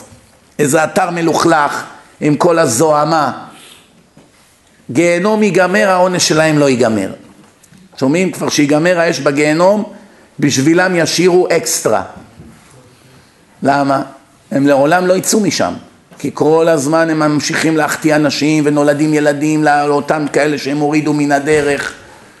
מבינים מה הולך פה? עוד שאלות לפני שמסיימים? אולי באגף השמאלי, שקופח פה הלילה קשות? כן. עכשיו, אחרי השיעור. רק בשיעורים, אחרי השיעור אפשר לשאול שאלות. הוא שאל איך אפשר לבדוק בפורה, אם היא טובה או לא, התורה מלמדת אותנו. תראה אם היא עושה חסד, כמו רבקה. אם היא עושה חסד, היא בחורה טובה. טוב שהעלית את זה, תודה שהזכרת לי. כשבודקים בחורה, אני אגיד לכם מהם רשימת הקריטריונים שצריכים לבדוק בה, לפי רצון השם. דבר ראשון, צניעות. איך היא מתלבשת, איך היא מתנהגת. פרוץ, פתוח, חשוף, צמוד, תברח ממנה כמו שאתה בורח מפצצת אטום. עקבים, מגדלי התאומים, חצאית כזאת ככה, היא בקושי זזה, כל המחשופים שלה, תברח ממנה כמו מאש. כי זאתי לא תביא אותך לשום מקום טוב, כי היא בעצמה אין לה חלק לעולם הבא, היא מחטיאה את הרבים. כל רגע בחיים שלה זה עבירות. כל רגע, מיליונים. כל מי שמסתכל עליה נרשם לעבירה בתיק. אתה רוצה שזאת תהיה אימא של הילדים שלך, היא תביא עליך חורבן. תברח ממנה כמו מאש. גם אם אבא שלה זה הרב הראשי, זה לא משנה מי. היא מתלבשת פרובוקטי, לא צנוע, מכנסיים, טייץ, חצאיות מיני, עקבים, חשוף, שקוף, צמוד, תברח ממנה כמו מאש, זה אחד. דבר שני, מידות טובות, יושר, ענווה, חסד, כל הדברים האלה שיהודי צריך, גבר ואישה, שניהם צריכים את זה. מידות טובות. דבר שלישי, רוחניות. היא טיפוס רוחני או טיפוס גשמי. שים לב על מה היא מדברת בפגישות. יש בחורות, רק על שטויות הן מדברות. שמעת רבלון הוציאו עכשיו איזה איפור מיוחד וזה, חצי שעה נתנה לו נאום על, על האיפור. שמעתי עכשיו שההוא המציא איזה בושם מיוחד, שבוע הוא נשאר. טוב, אחר כך היא ממשיכה. קניתי איזה חליפה וזה, ומאז רזיתי והלכתי והחזרתי והם נתנו לי וחנ... והלכתי ופתאום נתנו לי חצי מחיר וזה, ואתה יודע, אם אני לא הייתי דתייה הייתי הולכת לתחרות הזאת ולתחרות הזאת, יש לי 300 ידידים בפייסבוק ואחד מנדנד לי כל היום. עם זאתי אתה רוצה להתחתן? חי תקבור אותך, תוך 24 שעות. אבל אם באה בחורה שמדברת על צניעות, על התקופה שהיא למדה במדרשייה, בסמינר, ושהיא אוהבת את הרב הדרשן הזה, איזה דרשות, ואיך היא מתחזקת, והיא קוראת תהילים, והיא קיבלה על עצמה ככה, ושרק דברים רוחניים היא מדברת, איך אומרים? תחטוף אותה כמוצא שלל רב. זה, זה אוצר, זה נשים. מה עם גברים? דבר ראשון בגבר מידות. דרך ארץ, ניקיון, מידות, יושר, חסד, כל הדברים האלה צריכים לבדוק באדם, לא גאוותן, לא רמאי, לא שקרן, לא נצלן, לא כפוי טובה, לא נוכל, זה מה שצריכים לבדוק. אחר כך תורה, עם הארץ, או שלפחות לומד תורה, יודע, שומע, משכיל, קורא ספרים, איש של ספר, קשור להשם. תורה זה גם בא ביחד עם תפילות, כן, רוצים. איך האדם קשור להשם או גם כן כל הזמן מדבר על שטויות כמו פלגמט כדורגל, ראית ביתר היה משחק, ההוא נתן בעיטה, זה ככה, השופט הוציא אותו חצי מהפגישה הוא מדבר איתה על כדורגל, עוד חצי שעה על צה"ל, אחר כך על ביבי, אחר כך על סבא שלו והאבא שלו וההוא היה לו קניון בפרס וברקו וברח וחומני בא, נו, מה נדבר קצת על השם? ארבע פגישות מילה הוא לא מדבר על השם. אני אספר לכם סיפור שהיה פעם אחת פנה אליי אחד היהודים הכי עשירים בעולם, אולי הכי עשיר בעולם, אולי, אולי, אולי אחד הכי עשירים בעולם, שווה הרבה הרבה מיליארדים. משפחה מאוד ידועה, מדברים עליהם כל הזמן בחדשות, הוא לא גר בארץ. אמר לי, תמצא בבקשה שידוך לבן שלי. אמרתי לו, מה הוא מחפש? הוא אומר, דבר איתו. דיברתי עם הבן שלו, הבן שלו מחפש מסתבל. מסתבל. הוא מיליארדר, נראה קצת נחמד, משפחה עם שם טוב, דתיים, רוצה מסתבל. באותו זמן פתאום באה לי איזה מורה אחת, באמת מסתבל. בחורה דתייה, צדיקה, בעלת תשובה מגיל צעיר, באמת מציעה. מלאה ברוחניות, אוהבת תורה, צנועה, דרך ארץ. שאלתי אותו, את הבחור, איפה היית בישיבות? שלא יהיו בושות. אומר לי, למדתי בישיבה הזאת, ישיבה מצוינת. למדתי בישיבה הזאת, גם מצוינת. כשהייתי ילד למדתי שם. יש לך המלצות וזה, בטח, כולם שם מכירים אותי וזה. אחים שלי. אמרתי, טוב, מה, מה כבר יכול להיות רע? אז עוד הייתי תמים, זה היה לפני עשרים שנה. היום אני כבר מבין שזה ייחוס וזה, זה הכל שטויות. צריכים לבדוק את הבן אדם עם זכוכית מגדלת. זה לא משנה איפה הוא למד, מה הוא היה, מי היה סבא שלו, הכל הבל הבלים. צריכים לבדוק את הבן אדם לשורש נשמתו. מה אכפת לי שסבא שלו היה אדמו"ר, מה זה עוזר? הוא גדל פה, נהיה פרא אדם פה. מה, סבא שלו היה אדמו"ר, זה עוזר, אבא של עשיו, אתם יודעים מי הוא היה? אבל עשיו מה היה? רוצח. בקיצור, סידרתי להם פגישה, הייתי בטוח, זהו, סגרתי את השידוך של המאה. למחרת, הבחורה מטלפנת, מה זה? התקפה חסרת שחר. אני מאוכזבת, מה חשבת לסדר לי כזה בחור? אמרתי לה, מה קרה? שעתיים ישבתי איתו, מילה הוא לא דיבר תורה, כלום, רק על הביזנס ועל הנדל"ן ומה הם קנו ומה הם בונים. אני אמרתי לך שאני מחפשת בחור צדיק מישיבות. אמרתי לה, תשמעי, הוא למד בישיבה זאת וזאת, הוא למד בישיבה זאת, הוא למד בישיבה זאת. שאלתי אותו, חקרתי, מה, אני עכשיו צריך ללכת לעשות חקירת FBI עליו? שום דבר, מילה הוא לא דיבר תורה, בסוף ביקשתי ממנו, תגיד דבר תורה. לא היה לו מה להגיד. ואז הבנתי, איך אומרים, אין חכם אלא כבעל ניסיון. איזה ישיבות הוא היה? הכניסו אותו, אבא שלו מיליארדר, נתן כמה צ'קים, הכניסו אותו, שיחמם את הכיסא, big deal. אכפת להם שהוא נכשל במבחנים, שהוא לא יודע כלום בגמרא, שהוא כל היום בחוץ עם הטלפון, שומע מוזיקה והוא נוסע לטיולים. מה אכפת להם? כל עוד הוא לא מסומם, לא מוכר סמים, לא הורג ילדים פה, שישב בישיבה, יקבלו צ'ק של כמה עשרות אלפי דולרים כל שנה. מה זה בשביל אבא שלו? לא מזיז לו בכלל. הוא בא לישיבה הכי טובה, תכניסו את הילד שלי, לא יכולים. הוא לא ברמה, תכניס אותו, לא יכול. תכניס אותו, אתם צריכים עכשיו מיליון דולר לבניין, נכון? הנה לך מיליון דולר ממני, תכניס אותו. מה יגיד הראש ישיבה? מה אכפת לי? שישב. מה זה מזיז לי? אתה מתעקש שישב? שישב עד מחר, עשר שנים שישב. נכניס אותו בארון גם. העיקר תביא את המיליון, ככה זה עובד. מה אתה חושב? זה העולם הזה, מה? מה אתה... הבנתם מה קרה פה? ברוך השם, בסוף הוא התחתן והיא התחתנה, איך אומרים, הכל בא על מקומו בשלום. עוד שאלות? כן. שישה. בשביעי הוא יצא לחופשה.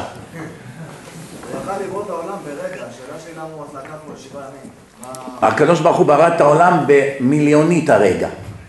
אי אפשר לספור כמה קצר זה היה. רק לקח לו שישה ימים לסדר את זה לפי סדר החשיבות.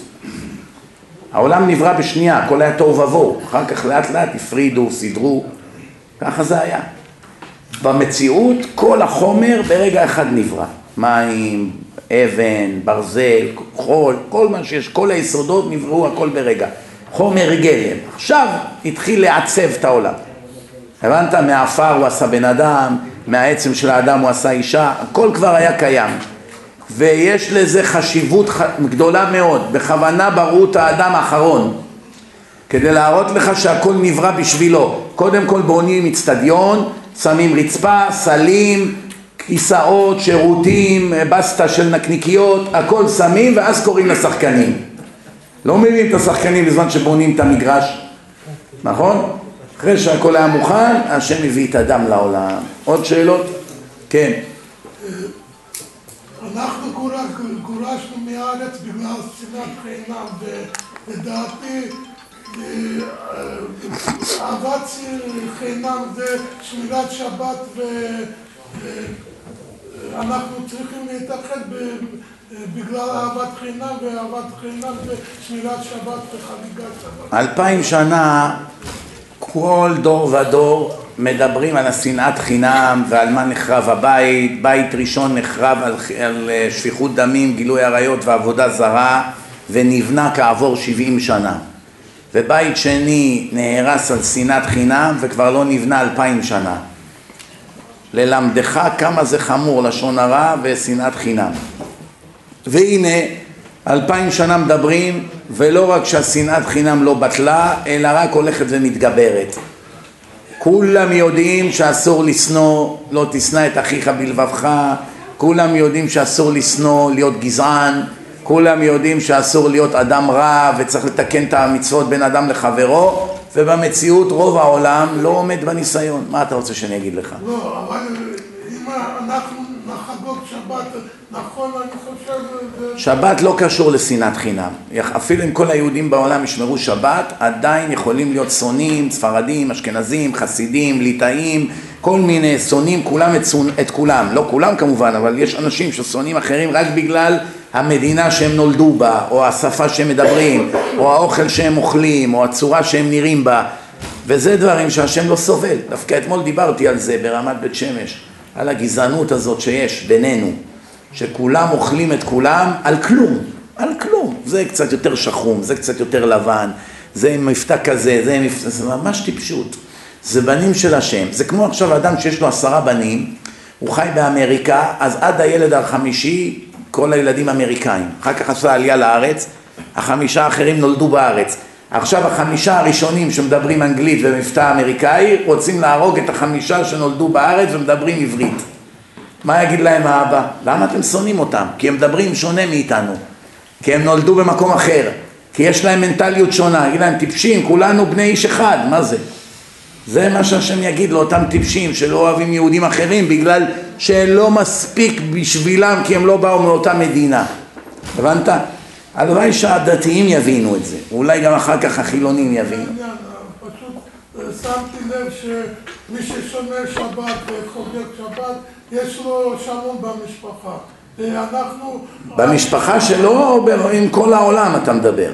המשפחה שלו זה מביא יותר שלום כי יושבים ביחד וכולי. המשפחה, המשפחה, אם נחגוג, נגיד אתם אה, כאילו עושים מאמץ בשמירת שבת, זה נכון, אבל גם בחגיגת שבת צריך.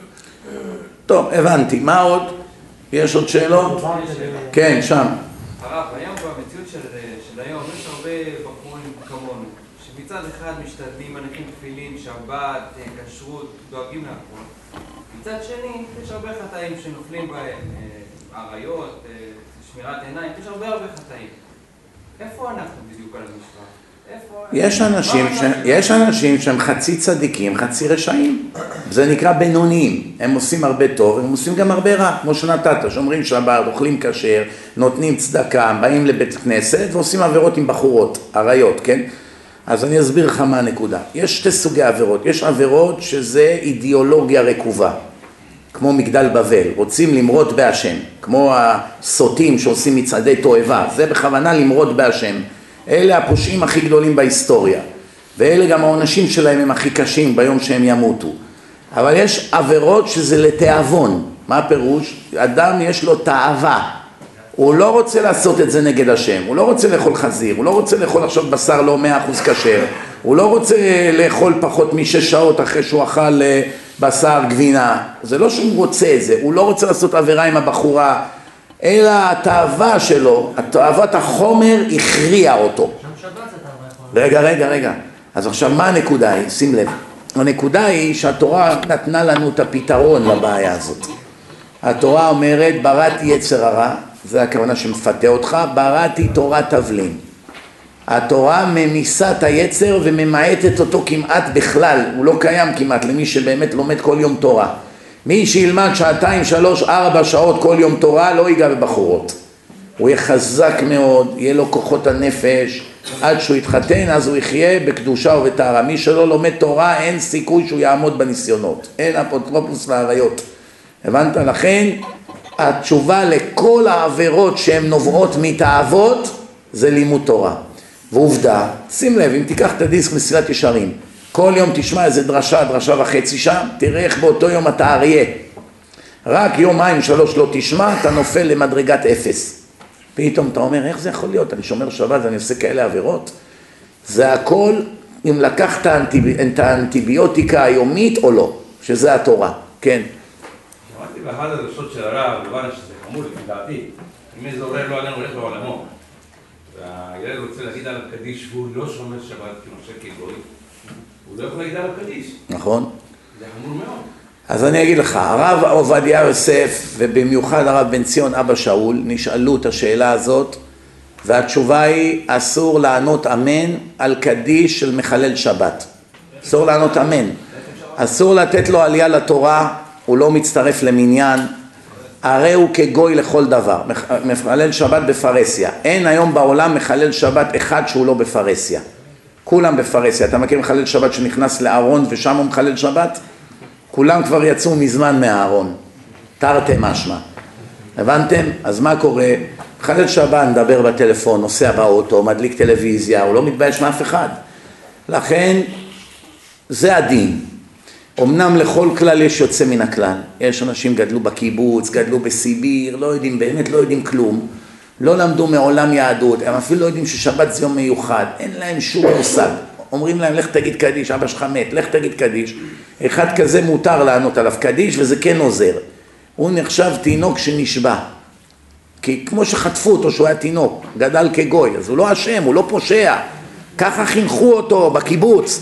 בחיים שלו הוא לא שמע ששבת זה יום מיוחד. הוא אוהב את אבא שלו, איזה מישהו דתי אמר לו, לך תגיד קדיש. מה זה קדיש? הולכים, אומרים ככה, תקרא, ואנשים יגידו אמן, והוא בא. אחד כזה ודאי שזה עוזר. אבל רוב העם פה הם לא גדלו בסיביר או בקיבוץ. רובם יודעים, העולם, המדינה מלאה בדתיים, כל שכונה יש בה בתי כנסת, האינטרנט מלא בדרשנים, אפילו בן אדם בא לראות סרט מלוכלך, הוא רואה פרצופים של רבנים בצד, ביוטיוב. למה? כי השם עשה את זה בכוונה שכולם יראו. רגע, רגע, עכשיו תשמע טוב. יש שאלה אם מחלל שבת בכוונה, במזיד, אם הוא אומר קדיש על אבא שלו, השאלה היא כזאת, אם זה לא עוזר או שזה מזיק. עכשיו שמע טוב, סברה פשוטה. בקדיש אומרים, התגדל והתקדש שמי רבה, שהשם של השם יתגדל בעולם שהוא ברא כרצונו וכולי. בחייכון וביום אחרון בחיים של הזה וחיי לכל בית ישראל, בעגלה וזמן קריב במהרה, וכולם צועקים מה העיקר של הקדיש? יהא שמי רבה מברך לעלם לעלמי עלמיה יתברך, שים לב, יתברך וישתבח ויתבהר ויתרומם ויתנשא ויתהדר ויתעלה ויתעלל שמונה שבחים שונים. בא משבח את השם ואחרי שנייה יורק עליו. יוצא עכשיו מניע את האוטו בשבת עכשיו הקדוש ברוך הוא אמר אל תכבד, אל תנשק אותי ואל תשתחווה לי, תשמע בקולי. התורה חייבים לשמור, אלה המצוות לעשות אותם, אשר יעשה אותם האדם, לעשותם, לעשותם, הכל בלשון עשייה בתורה. אין כזה דבר דתי בלב, גם אם אתה מסורתי, אתה מכבד את השם, אתה מנשק מזוזה, אוכל כשר, אבל אתה מחלל שבת, אתה מנאץ את השם. בזמן שאתה בא לבית הכנסת ואתה אומר קדיש על איזה נפטר, ואתה מחלל שבת, בעצם אתה מנאץ את השם. למה? אתה עושה את העבירה הכי חמורה ביהדות, שהעונש עליה הוא עונש מוות בסקילה, וכרת לנשמה לעד ולעולמי עולמים. אז מה השם צריך את השבחים שלך? זה לא מועיל.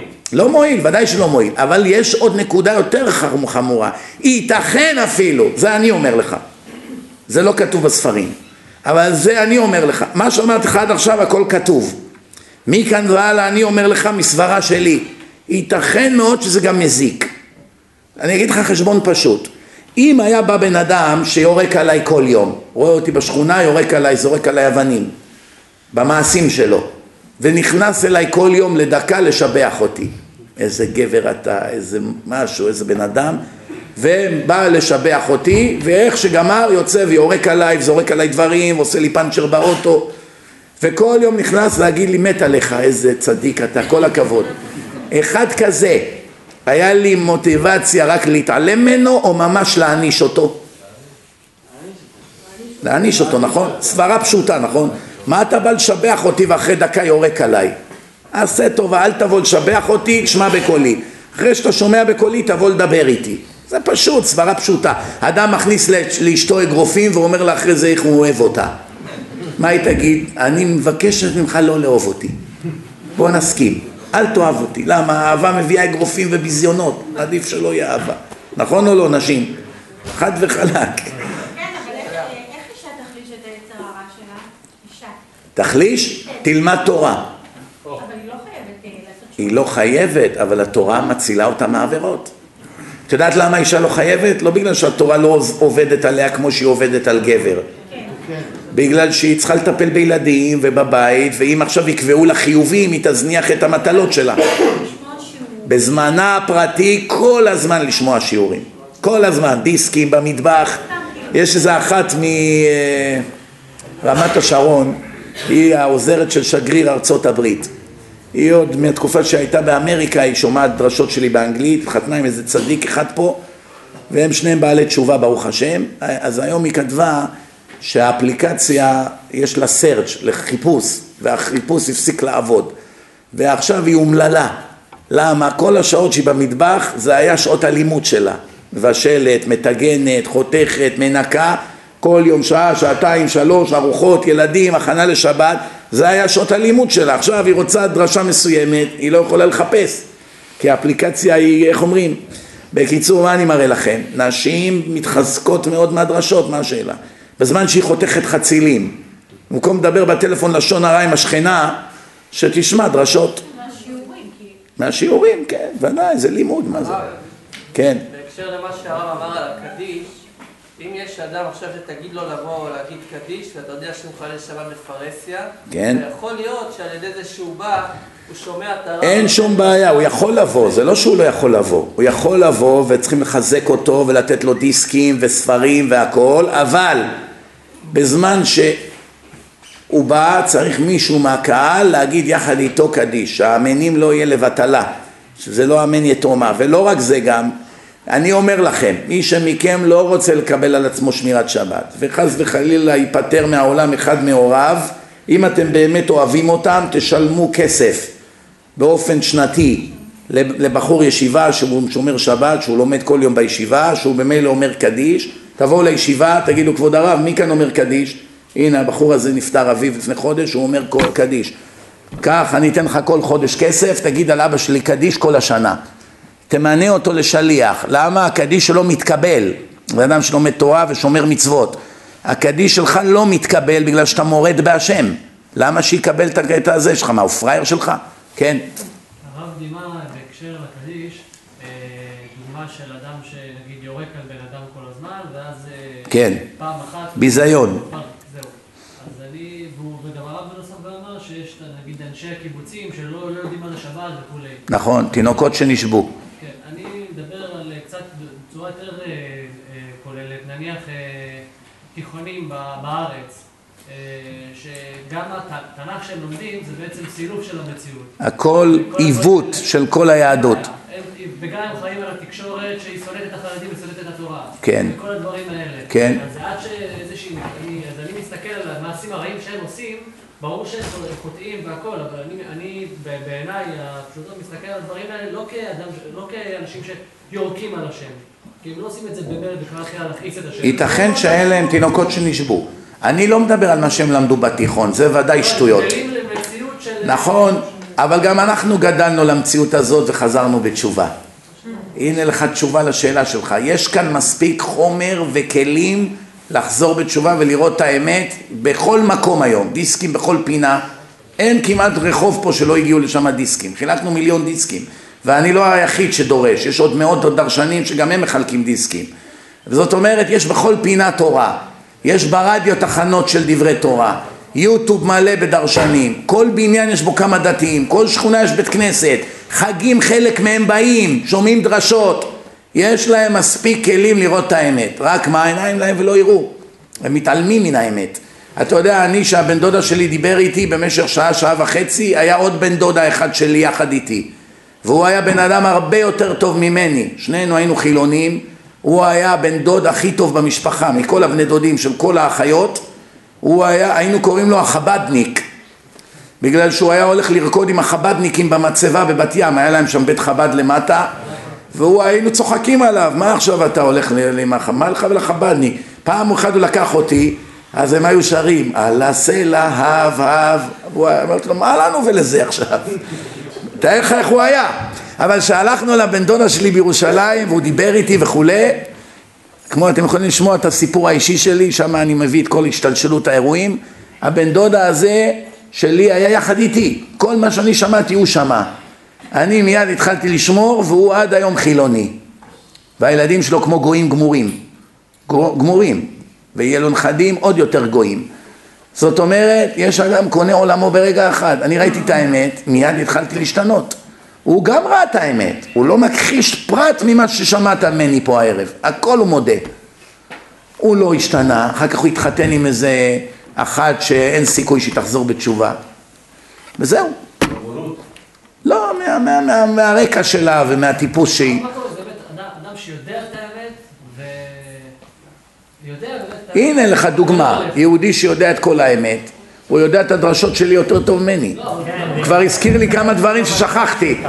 ועדיין חי, מורד בהשם כל דקה בחייו. נו, לא יכאב הלב, תגיד לי אתה.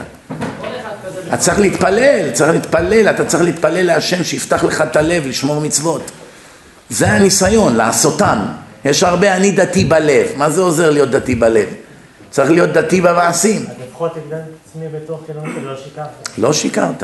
ישר אתה ודאי ישר. יש כאלו משקרים, אה, אומרים, אתה יודע. הם רק משקרים את עצמם. את השם אי אפשר לשקר. כן. אם אפשר להמשיך את מה שדיברנו עליו, אם עכשיו בן אדם בא, הוא רואה את האמת, נגיד בגיל 40, יש לו כבר ילדים, יש לו כבר אישה, הרבה יותר קשה. שינויים, כמה שאדם המתין יותר, יהיה לו יותר קשה להשתנות. ודאי, ילדים, אישה, התנגדויות, עסק. ככה הרמב"ם אומר, העונש הכי קשה לו לאדם שסוגרים בפניו את דרכי התשובה, את דלתות התשובה.